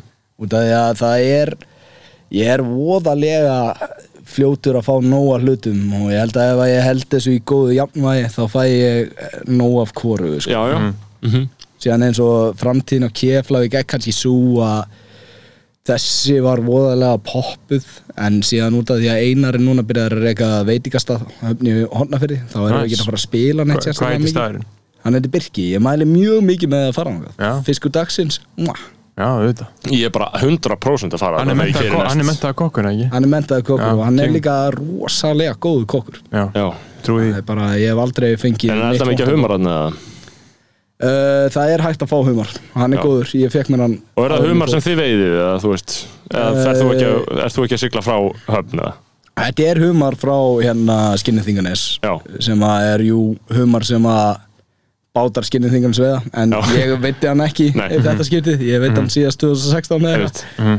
en hérna þetta er góður humar já, hann vandar sig sko, það er mjög margir veitingastæðir sem að nota einhvern skoskan humar og eitthvað Ok. svona kjaftaði það er allt annan dæmi sko já. Íslenski humarinn er svona stinnur og bragðmikill. Humar súpa er náttúrulega besti matur í heiminum finnst mér. Já, humarsúpan hjá honum einari er það sem á ættir að fá þér sko. Já, ég er að segja að ég myndi drepa fyrir humarsúpu hjá einari núna sko. Djöfull væri það gott Það maður er delicious. Já, En einmitt út af því að einar er byrjar að reka þennan veitingastað þá ger ég ráð fyrir að við séum ekki að fara að spila mikið og Keflavík verði kannski meira svona studio project overall spilum Já. kannski fjóru sem ári eða eitthvað en það er bara kannski á stemminguna sko. já en ég meina, ég myndi segja bara leave them wanting more sko. Já, veist, já. tíminn, sko. Við verðlögum okkur rosalega hátt fyrst eða bara út af því að við gátum aldrei spilað og, og, og þá voru allir bara svona ah, Já. ég held að þetta sé nett. Þetta er ekki nett sko. hann er bara að vinna sem kokkur og hins er sjómaður.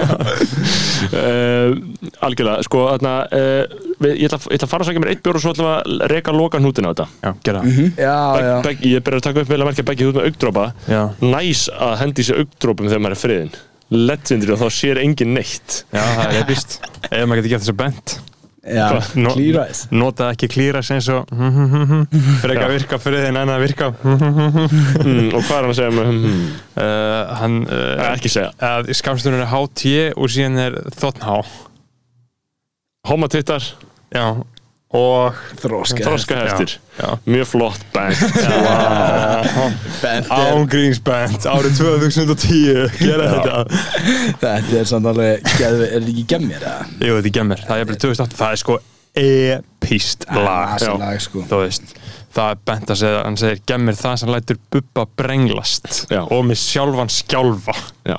Hvað er, þú veist Staða íslenska lýrikur, Orman Hvar erum við núna svona á punktstaðan okkar? Erum við, er eitthvað gott Er, að vera er, til? er, er búin að hlusta á herra sem kom út í dag? eða? Nei, ég er ekki búin að ná tíma í þetta, almennilegum? Ég hlusta eitthvað Já, var, bara, var að koma henn herra nýtsmjör Já, já, Joe. ég er svo sem ekkert mikið að hlusta á Ornapál sko Nei. Þótt að ég virði allan tíman það sem hann er að gera Já, já, Já. já, En mér bara- langast að hlusta plötum, hvað er þetta? þe- þe- Þetta er mjög gott sko uh, Ég var að hlusta á þetta í gyminu í morgun og, þarna, og strax á fyrsta lagi þá var ég spenntur að heyra hvað hann ætla að segja næst Já. skil ég hvað að minna og mér finnst það svo góð uh, tónlistar upplöfun að ég fann bara okkur hann er að rappa skilurðu. Gaurinn, gaurinn settist niður og skrifaði er og að rappa. vandaði sig og er að bara að rappa og það, mér fannst það svo skemmtileg og góð tilbreyting sko.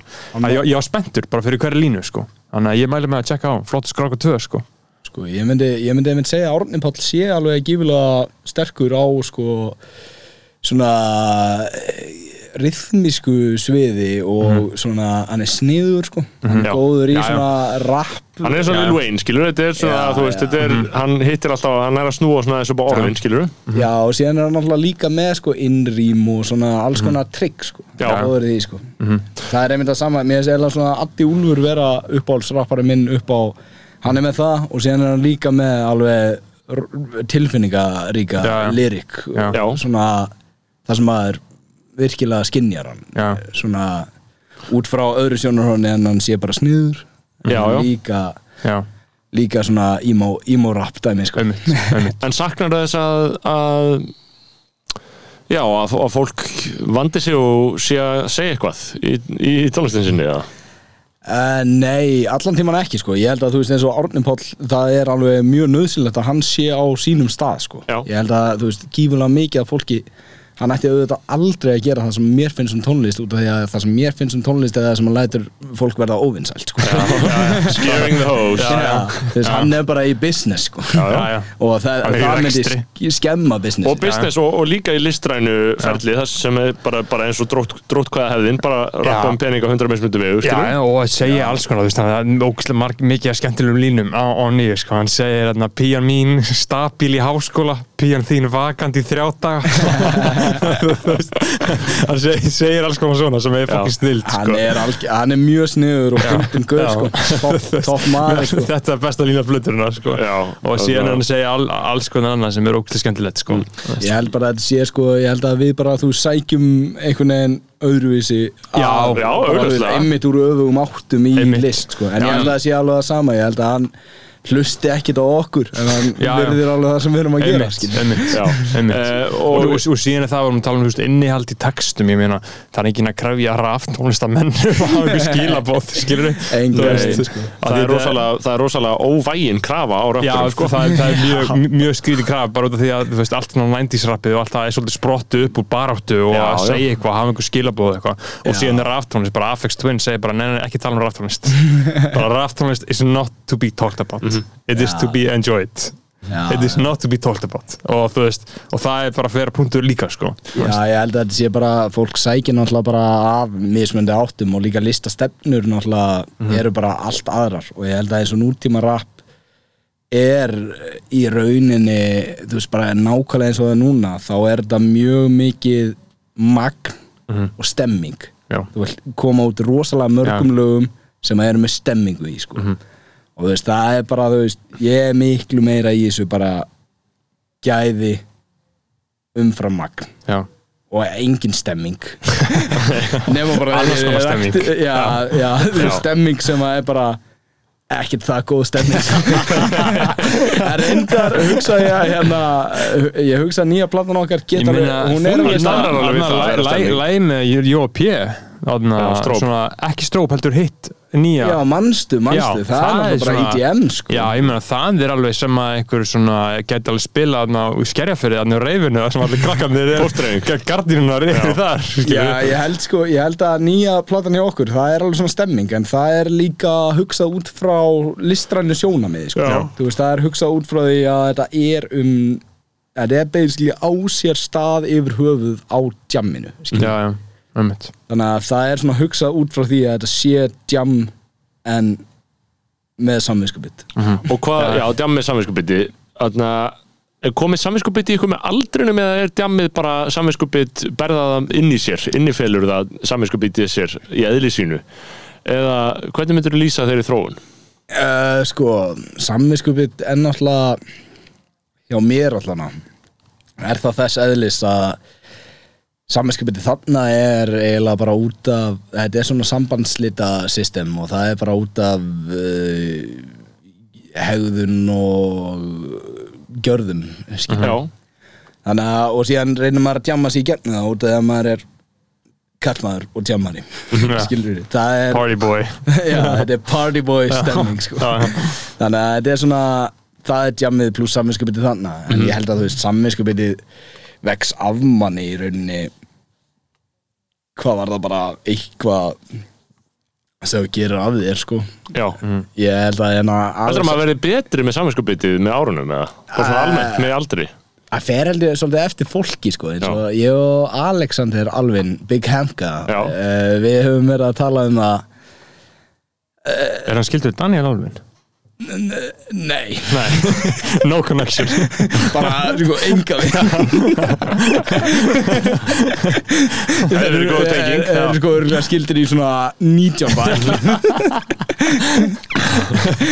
En hérna Fjarskildustu tveir gaurar á Íslandi.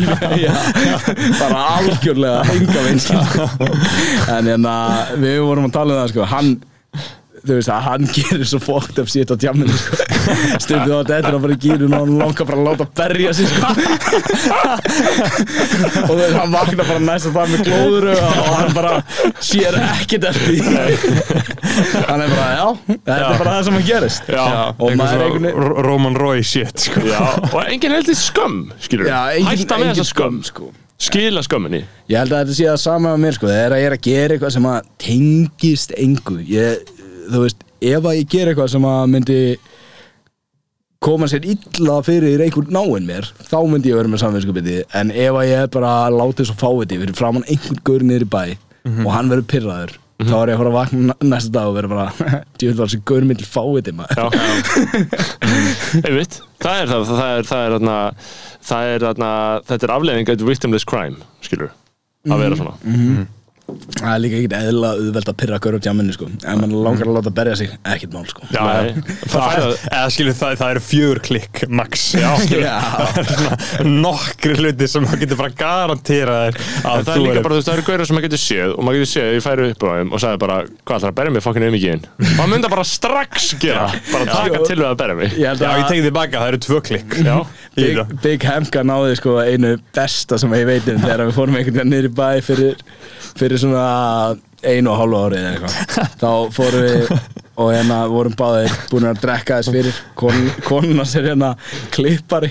Hún snóðaði mig og litaði móttuna mína. Og litaði móttuna hjá honum og klippti hann. Og við vorum bara hell í okkur allan tíman og fórum sér í bæ. Og hann eitthvað, ég ætla að láta berja mig. Og síðan var það ekkert að ganga hjá honum. Hann var að reyna að pyrra ykkur að gauðra. En hann var bara ofindin þannig að þeir, þeir voru ekkert pyrraðir sko. og eitthvað er hann bara í lók tjamsins þá fer hann, þetta var fyrir COVID bara svona rétt fyrir COVID. Og, og í lók tjamsins þá er hann eitthvað bara fyrir utan mandi og lappar eitthvað gaur með kærusinu sinni framjá og hann eitthvað, hei Þú mætti nú alveg missa 20 kíló. Og gaurinn snýr sér við. Og allir man ekki meira eftir kvöldin og þess að þessum var beint til konunar svo satt Uh, nei, Eh, Gaursins. uh, Gaursins, Gaursins Hann vildi að kona myndi berja hann. Vildi vera lamin sko. hvaða grunntilfinning hvaða höfusynd knýr menn til þess að vilja vera barðir? Sko, Ég fatt alveg púkan sko. Þetta er Þetta svona er kathólst sko. Já, þetta er kathol Já, þetta er fyrir síðaskiptin sko. Ég hef- Þetta er eitthvað ég hef alveg gert sko. Ég hef alveg gert þetta Hef, hefur mér verið bjargað. Ég held ég hafi fengið svona trísvarsinnum einn í andlitið sko. já. Ég hef aldrei verið kildur andliti Ég hef aldrei verið. Heldur Í ekki ég. ekki, ég heldur aldrei brotnað sko. Já, I, ok. I have not lived Við sko. erum ekki sjómenn, sko, við erum ekki frá höfn Já, en sko, illa, illa, ekki illa meint en hann er mikið líklegar en þú sko. Hann Til þess er að fá- Já, þú ert með kílunar andlit. Já, já, ég, ég Þú veist, ég er algjörlega einhvern sem ætti að vera kildur En málið er að ég er mikill friðastillir Ég hef yfirleitt leitast Og- bara við að vera bara pussy Og sko. líka gaurin svo við lendum ekki í random acts of violence af því að við erum svo stórir. Það, það, það er bara þannig í útlöndum við erum ekki rændir. Þetta er, bara, þetta er rosalegt, ég hef aldrei verið rændur aldrei verið ráðast á mig, það er bara út af því maður ber það með sér að vera 1.90 og þeir geta valið úr svo mikið af fólki til þess að ræna að berja. Já, þannig að þeir hugsa bara já. 1.90 ok, tökum það, ekki það sensin ríkir Ég miskilningur held um að ég ég, ég sé þið saman bara upp á að ég sé með breiðar já, og sterk byrður sko. það- það, það- það, það- er bara svona Þú- ég held sleppur. Já, ég er að menna af hverju myndir frekar Já. ráðast á mig heldur en einhvern bara lítinn gaur við lendum En ekki þetta er, í- þetta er misræðið, en þetta er miskilningur ég sé ekki gott fórnaram það væri örgulega hægt að berja mig ákveðlega en samt, ef einhver myndi ráðast á mig eitthvað skilur Já, en, þú veist, en þú veist, ég er ekki þú veist, ég væri örgulega miklu betri en einhver svona mjög lítill gaur með svona, svona psycho styrk, skilur Já, já, já, já, ég veit alveg um lilla gauðra sem er Já, bara já, já, já, já, já. Bara býta, sko, Já, bara býta já, já, já, já, já. Þeir eru með na na Napoleon styrkin sko. uh, Það er náttúrulega líka sko þegar maður er það fullur að manni finnst fyndið að láta berja sig. Þá er maður ekki að fara að ná að verja sig ef að það er eitthvað sko. Þá er það bara þú ert þá orðin tilfinningalus í andlitinu sko. þannig að þú veist alveg að þú ert ekki að fara að finna fyrir því. Þannig að þá er þér alveg trullu saman sko. já, já. Uh, sko, hérna, við vorum á, fórum aðeins í bókmyndunar á hann og minna svona að lokum, ég langar að að enda uh, á því, ég meina þú, uh, Ármann, þú elskar fólknir eða ekki? Jú, Já, það er kongurinn það er mjög góð maður. Þessi bandarísku skáld, hvað, hvaða tilfinningar veit það er þér? Uh, það er náttúrulega, ég, ég er mjög heillaður á bandaríkjunum sko, Já. bara yfir höfuð uh, þú veist, bara konseptinu, libertarianism. Já eða þú veist, náttúrulega bandaríkjunum eru 1789. alveg í skýknum sko, en, þú veist, bara Vissu- frá Sér ekki eftir Trump, eða? Trump var betur en Biden uh, ég sé ekki eftir Trump en að það var algjörlega fokkað upp algoritmum sko. Já, mikill, þú ert það mikill heimsvalda sinni að þú ert ekki ánægð með þann skada sem Trump olli. Nei, enga Já, veginn sko. Eða, þú veist, e, e, þetta var bara ég var að vinna hana við bandarísk e, ríkiskuldabref á þeim tíma sem að Trump var. Já. og það er alveg gífulega skadilegt að fórsetin getur bara að gefa tilkynningur um stríð á Twitter Já, og það er líka bara ekkert vennilegt við það sko. Þetta er bara snýst um upplýsingagjöf sem er ástæðan fyrir því að ég er á móti Trump sko. það er bara spurning um miðlunalega og mjög wildcard. ef að Trump væri með scheduled fundi og væri þá bara eitthvað, herru ég ætla að fokkin sprengja þetta land. Já, Já, þá, ok, væri ok, veit, svo lengi sem það skemmir ekki verbreyðarstarfsminna en, en, en, en uh, já, bandaríkin. Já, fólkn er náttúrulega með þetta svona Americana value sko, svona gothic Americana vibe og ég er að menna þú veist Sko, fílar þú ekki London Ray, eða? Jú, alveg Já. smá, en mér finnst svona vera smá aðeins og Að þykjast mikið að reyna sko Já, finnst þið það? Já En þessar gamlu disk, diskandarinnar eru samt alveg mér, ég, finnst, ég fíla það væp Skilur, mér finnst hún já, svipa væp og Nor Nor Norman Rockwell 2019 Já, plata, já, hún er- var rosaleg, hún- sko. það- Hún er þar hlusta nær hún að kjar- svakalega. þar nær hún að kjartna sig sko. Hún, þú var, veist. hún var frábær þar, Já. hún var frábær líka á Ultra Violence með Já. að það vera mjög vannmetin Já. plata sko Já, Já. já, Lana Del Rey, við reppum hana Já. En, Já. en fólk er, þetta er uh, Þú fílar uppröðnarsögu bandaríkina og hvernig bandaríkina verða til Já, allan daginn sko, Já. ég dyrka bara Gauri sem vildi ekki borga skatta mm, Já, líka bara bandaríkina, vera stoltur af landinu sínu skilur Já, þetta er svo mikið svona frelsisbar að Já. þetta er romantist dæmi sko. Mhm. og hérna náttúrulega bara þú veist líka með fólknir þá er það bara hversu lifandi hann er sko. það er enda mjög langt síðan ég las fólknir núna sko. Mhm. Já. ég, En svona bækur eins og þú veist Þetta Absalom, Absalom, skilur uh, Er það ekki eftir hann eða? Ég held að það sé eftir hann uh, ég reyndar hef ekki lesið hana En það eru svona en ég held að það eigi að vera hans bara greatest hit sko. Já, Já. Það, það er, þú veist, ég hef blaðað í henni Ég hef ekki komist í gegnum hann alla Því hún er alvöru wall of text, sko Já. Já. Uh, Þetta er rosa stór, stóri veggir Já, setningarnar er ekkert röglegar Skilur, þetta er bara flæður og einu í annað þetta er bara eins og As I Lay Dying Ég reynda, Þannig ég, að- ég reynda að lesa hana uh, S.I.L.A. Dying, ég komst ekki sko En þar er mynd, þú veist, bara mest lifandi texti og bara svona text sem mann eiginlega alltaf eftir man það- ekki það- nákvæmt innihald en Nei. þegar að það var svona í sjönda, sjötta kapla þar sem hann er að byggja líkistu fyrir móðu sína sem er að deyja. Og maður bara er svona eiginlega finnur líkistuna að koma saman í gegnum kaplan og þetta er bara svona fjórar síður eða eitthvað Já, og bara litlar síður skilur í einhverjum svona uh, blæðlingur hún er svona litlum, litli, litli epic kilju Já, hún er bara, hún er bara 130 blassir Já, já, þetta er bara mjög stutt bók. Já. ég held að þessi bók En sé til í það- þýðingu með, með þess að kennara kennara Rúnar Helgi þýddi það, já. Þegar, Já. þegar ég lág fyrir döðunum eða eitthvað svo leys sem ég lág fyrir döðunum. Já, sem ég lág fyrir Já. döðunum, það er gott, gott, góð, góð orðan ég mun sem allan tíman reyna að lesa þetta á ennsku Já. ef menn eru vanir því að lesa á ennsku sem að er náttúrulega kannski ekki allir sko. Nei, en sko það sem uh, mér finnst Absalom Absalom vera, þú veist, þetta er bara svona Sandur, Söðuríki, Þrælastríðið mm. forfeðinu voru í Þrælastríðinu. Þú ert í einhverjum húsum sem þeir fucking áttu og það er svona upp af 20. aldar og það er eitthvað svo fucking ríkt í þér, eitthvað stolt þú veist, eitthvað, eitthvað land, eitthvað bandaríki skilur, Já. og það er þú veist, þetta er ekkert sami nationalismi og við erum með á Fox News núna þó að hans er líka góður, skilur þetta er einhver annan nationalismi sem hefur einhvern veginn horfið uh, þú veist, og hann er aðeins romantískari og hann er folknerískur, þú veist, hann er svona einhver, það er einhver prósi í honum, sko. Já, ég held sko líka eins og skilur bandaríkin um, bara 1900 til 1920 skilur þegar það er eða 1800 til 1920 þegar Já. írskir innflytundur eru að koma fullt af innflytundum að koma. Þau voru stolt af því sem land. Einmitt. það er nationalismi sem snýst ekki um það að það séu bara við, við heldur nationalismi sem snýst um það að við erum stolt af því að við getum komið hérna og fengið tækifæri já, til þess að gera og verða það sem þú vilt. Land, land of the free, home of the brave. Já, Já. Og fyrir utan alltaf frumbyggjana sko. Americans sko. En ég hef reyndar alveg mjög gaman að þeirri sagnfræði líka. Ekki, ekki það að ég styðja hana. En þú veist eins og bara Miss Blood Meridian eftir Cormac McCarthy vera rosaleg sko. Hún Já. er, Um hvað, er hún um þetta? það er svona Western Front uh, dæmi. Já, ég veit ekki hvort það hafi lesið Cormac.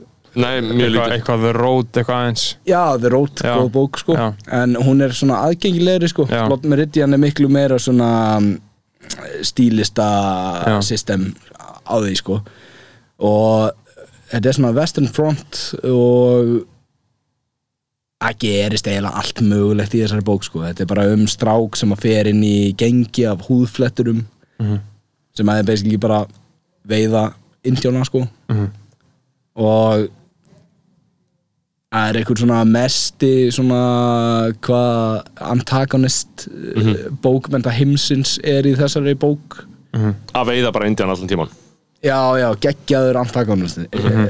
þú veist, ég myndi mæla með henni bara fyrir alla sem að hafa þólinn með þeim já, já, Já, og það er saman með As I Lay Dying sko. þetta er kannski 130 síður í kilju en þetta eru þetta er bara eins og að lesa 800 síður eða bara að reyna að skilja hvað er í gangi já. sko. Já. Þetta er ískapur Eh, þetta er Já, ískapur, ég- sko þú átt að vera með Google við hliðina þér Já. en, en sko, djúvill væri fínt ef maður hefði tíma til að fokkin lesa maður það er eina sem ég sakna í lífinu af því að þegar ég fæ frí og þegar ég hef tíma þá fokkin lesi ég ekki af því að það er einhvern veginn eitthvað, þú veist, veit ég hvað ég við maður er alltaf að gera eitthvað. Já, ég er alltaf bara eitthvað fokkin út í bíkó. Já, ég finn það núna, ég er náttúrulega að byrja í náminu sko. Þá hefur þú tíma til að lesa. Þegar ég er bara þarf að lesa bara Já. 200 blasir á dag. Já, hvað er þú að læra? uh, Ég var að byrja í ritlist í háskólanum. Já, byrju eða? Já já, ok, er uh, það ekki aukagrein eða? Jú, uh, í, Nei, á, meistaranám, í, já, heil- en í meistarnámi er þetta bara alveg sko. Já, ok, er því meistarnámi núna? Já. já, já. ég held að kærasta minn sé að taka núna listfræði með ritlist sem er aukagrein Já. Það er King Blanda sko. Það er King Blanda. Ritlist, já. En það er það sem ég er að segja uh, Það er bara 200 blassir á dag eiginlega bara setter sem Já. ég á bara að lesa og ég er bara frekar peppaður þetta var þannig í íslenskunni gera það sko ég man að ég var oft bara, þú veist, ég var að vinna á MBL um helgar kannski 9-5 og það var það ógæðslega mikið að lesa ég tók helgavakt til 5 Mhm. og svo bara sett sér niður og bara las skáldsögu bara 5 til 12, Já. skilur, bara alvöru þú veist, yðnaður Já, uh, samfélgamennir að yfirgefa staðin maður Mhm. uh, og ég held samt að þú veist, þetta skil okkur einhverju. Þú veist, ef maður, ef maður gefur sér svona tíma en maður hefur aldrei svona tíma og ég held að þegar maður er komin út á vinnumarkaðin þá hefur maður fokkin aldrei tíma til að lesa nema einhverju frí, þá les maður eina bók. Ég held að það að njóta listaverka yfir höfuð sé bara eh, tími sem að skila sér alltaf tilbaka en maður bara afskrifar hann út af því að þetta er þetta er bara eins og með hérna arðin í kvotanum skilurðu. þetta er eitthvað sem á veist ekki fyrir á veista. Fyrir að þetta raungerist. Einmitt. Að þú fattar að þú veist ég held að mjög mikið að minni sagnfræði, sagnfræði þekkingu kemur ekki frá heimildamindum meðan einn svo leis bara út frá skáldsögum sem að gerast hér og þar. Einmitt, það er einn hitt og þetta nefnt og svona. Um, Herru, við erum búin að vera hérna í ansi intense session. Er eitthvað sem við hefum algjörlega augljóslega eftir að taka á eða? Erum svolítið- hvað myndið þú ræða þegar þú kemur út á Svítal? Þú er búin að ræða uh, Keflavík, þú er búin að ræða Sjávarúteg þú er búin að ræða Höfni Hortnafyrði búin að ræða Framsvonarflokkin, stjórnmálin þú er búin að ræða verkfræðina Já, fjármálin, hægri stefnuna. Ég fíla hægri stefnuna. Ég dýrka þetta Já, ég mæli mjög mikið með því að vera bara hægri hugsunum að sko.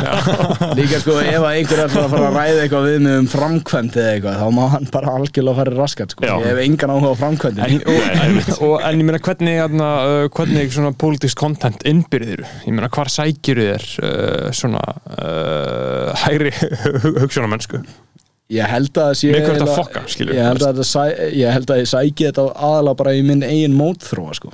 Ég vil bara fá frelsi til þess að gera það sem ég vil. Mm. Ég vil fá að gera það sem ég vil með peningana mína. Og ég vil þá væntanlega að aðrir gera það líka þannig að það verður frekar ósakjant að mér að byggja um að bara ég gera það skilur. Já, einmitt. Það Þetta eru- góð lokaord er kjarni hugmyndafræðinar uh, Ármann, virkilega ánægilegt Já. að fá þig hérna í ráðan sko, fyrir bara, bara mjög gaman að tala við þig. Uh, Tjekkja á plötunni, hún er á Spotify. Já, tjekkja eilífur- plötunni. Eilífur snjór í augunum. Já, þið snúri viljið fá, ef þið viljið fá íslenska ljóðrænu beint í æðin sem gerir fes, gerist feskust árið 2021 Já, Það er skott fyrir ykkur að fara á Kef Bill Lavík á Spotify uh, Nafnið Kef Lavík, það var hvað? Af af hverju var það aftur Eh, þannig? það Fyrst erum komin í kannan gýr Já, það var út af því að hérna þegar ég og Einar vorum Þeir spyrja um ellegar spurninga Nafnið? Já, þegar við, við fáum þetta eiginlega í hvert einasta skipti sko. Já, ég er að segja, þetta er algjör viðtalsspurning Já, en uh, þetta var sem sagt, þetta er samt fyndin saga þetta, uh, var 2013 vantilega Mhm. Ég og Einar höfum verið eitthvað í kringum 17 ára Mhm. Fórum á Kef Lavík Music Festival og við sögðum allan tíman Kef Lavík Music Festival. Já, og okkur fannst það fyndið. Mhm. og Sjátt hérna þetta óleikir sjáttu þetta ólega Veiling á nafnið. Já, Hafði veg og vandað er þessari Já, Já, já, Ég er ekkert sérstaklega hrifin á hann Hann má alveg taka það til sín ef hann hlusta Óleikir komin tvo klukkutíma á 20 mínútur inn í hennar þá Ekki Í fræðilegum gymminu í kemla ekki að hlusta það er allt í upp stóru og bara HA? Sko, hann meðtekur sennilega svona, allan að miða við það hvernig hann svarar SMS-um þá held ég að hann sé búinn að meðteka öll orð sem að hann þarf klukkan 11 Já, á mannan hann, hann, hann skuldar eitthvað penning Já, hann skuldaði okkur peningi í hálft ár. Já, já. Og ég er náttúrulega því miður umbóðsmaðurinn okkar leiðileg að- en já, við vorum að kefa Flavík Músikfestival og en að síðan þetta eru svona einhverjum fjórir, fimm dagar ég man ekki hversu margir dagar en við vorum fjórir saman og fórum alltaf í ríki á hverjum degi og getum einn slottskassa. Mhm. Drukkum aldrei neitt að slott við vorum alltaf á einhverjum börum að drekka þannig að við tókum síðan allan slott sinn og settum hann bara í ruslapóka eftir þetta og vorum síðan bara með hann inn í herbyggi og einari og þegar að uh, ég kem heim til einar svo vorum alltaf að leika okkur að taka upp bara einhverju tónlist Mhm. þá sem sagt er ég búinn að semja lag sem að heitir Í sjálfu mér Mhm. Sem Þannig er til, eða ekki? sem er Jú, til já. og er eiginlega lagið sem að koma okkur á kortið og einhvern veginn svona stjörnunar röðu sér saman þar út af því að við erum bara eitthvað að drekka bjór eins og vanlega og gera lag og vanlega voru þetta ömulilug Mhm. þetta hefnaðist bara helviti vel Mhm. og hérna við erum bara blind fullir að gera þetta sko. þetta var algjörlega óvart minnir að Einar hafi líka ennþá verið með eitthvað kvef frá því að kefa lag músikafestival út af því að hann svaf úti á einhvern tíum Getur ekki verið gott og hérna uh, við kölluðu það bara Kef Lavík út af því að okkur fannst svo fyndið að segja það. Já, Ég er einmitt að fara að enda þáttin á þessu lagi sko. Ég er að tengja mig við græna Þetta verður virkilega gott moment þegar við byrjum að spila. Um, Algjörlega Keflavík Þetta var sem sagt á Keflavík Music Festival hjá Óli Geir. Um, Ég er Óli Geir honum til varnar sko? Þá, þarna, þá býr Óli til Óli Geir, uh, hann heldur gig-hagkerfunu mjög vel uppi sko með því að búa til gig sem enginn væri að búa til sko sko ein góð leið til þess að halda áfram að halda gigkerinu uppi er að borga þeim Já. sem að spila á giggum það er alltaf svona es es essential Það er- það er partur stundum miða við það, já, Já. það er stundum miða Já. við það og það á það til að bregðast hjá okkar manni sko uh, en ég meina Við erum alveg að fara í lagi sko, hann ég tí, kem- sko Tæknilegir örðuleikar eru það sem gerir þennan þátt Herri, Já, takk. Fyrir takk fyrir komin komuna, Arman Takk ég alveg fyrir. Þú ert á tauginni Því dáti hræða spilsljósin Ég borða peninga Þú borðar hrásala Ég borðar ekki stökk Og þú veist hvað ég geta það. Vélmenni eins og ég Reykja ekki síkó Ég reyki mentól og ég Kunn ekki að elda Og ekki að elska.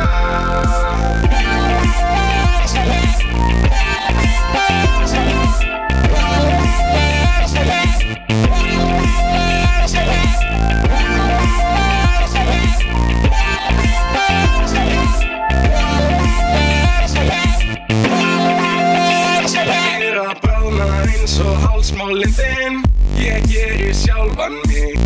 Þú gerir dansbor og ég held ég sé að skinja þig. Þú borðar allt og mikið Ég borða kreatín Ég sleiki sköpin þín en bara út af lyktinni Og segðu að þú elski mig. Því ég er skaparinn Og þú er barni sem ég bjó til fyrir alheiminn.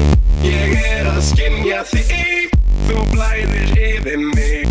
Alltur smá áfram því þú veist mér þykir væntum þig. Helmenni eins og ég Reykj ekki sík og ég reykji mentól Þú reykjir viðbjóð því mér. Menni eins og ég Unn ekki að enda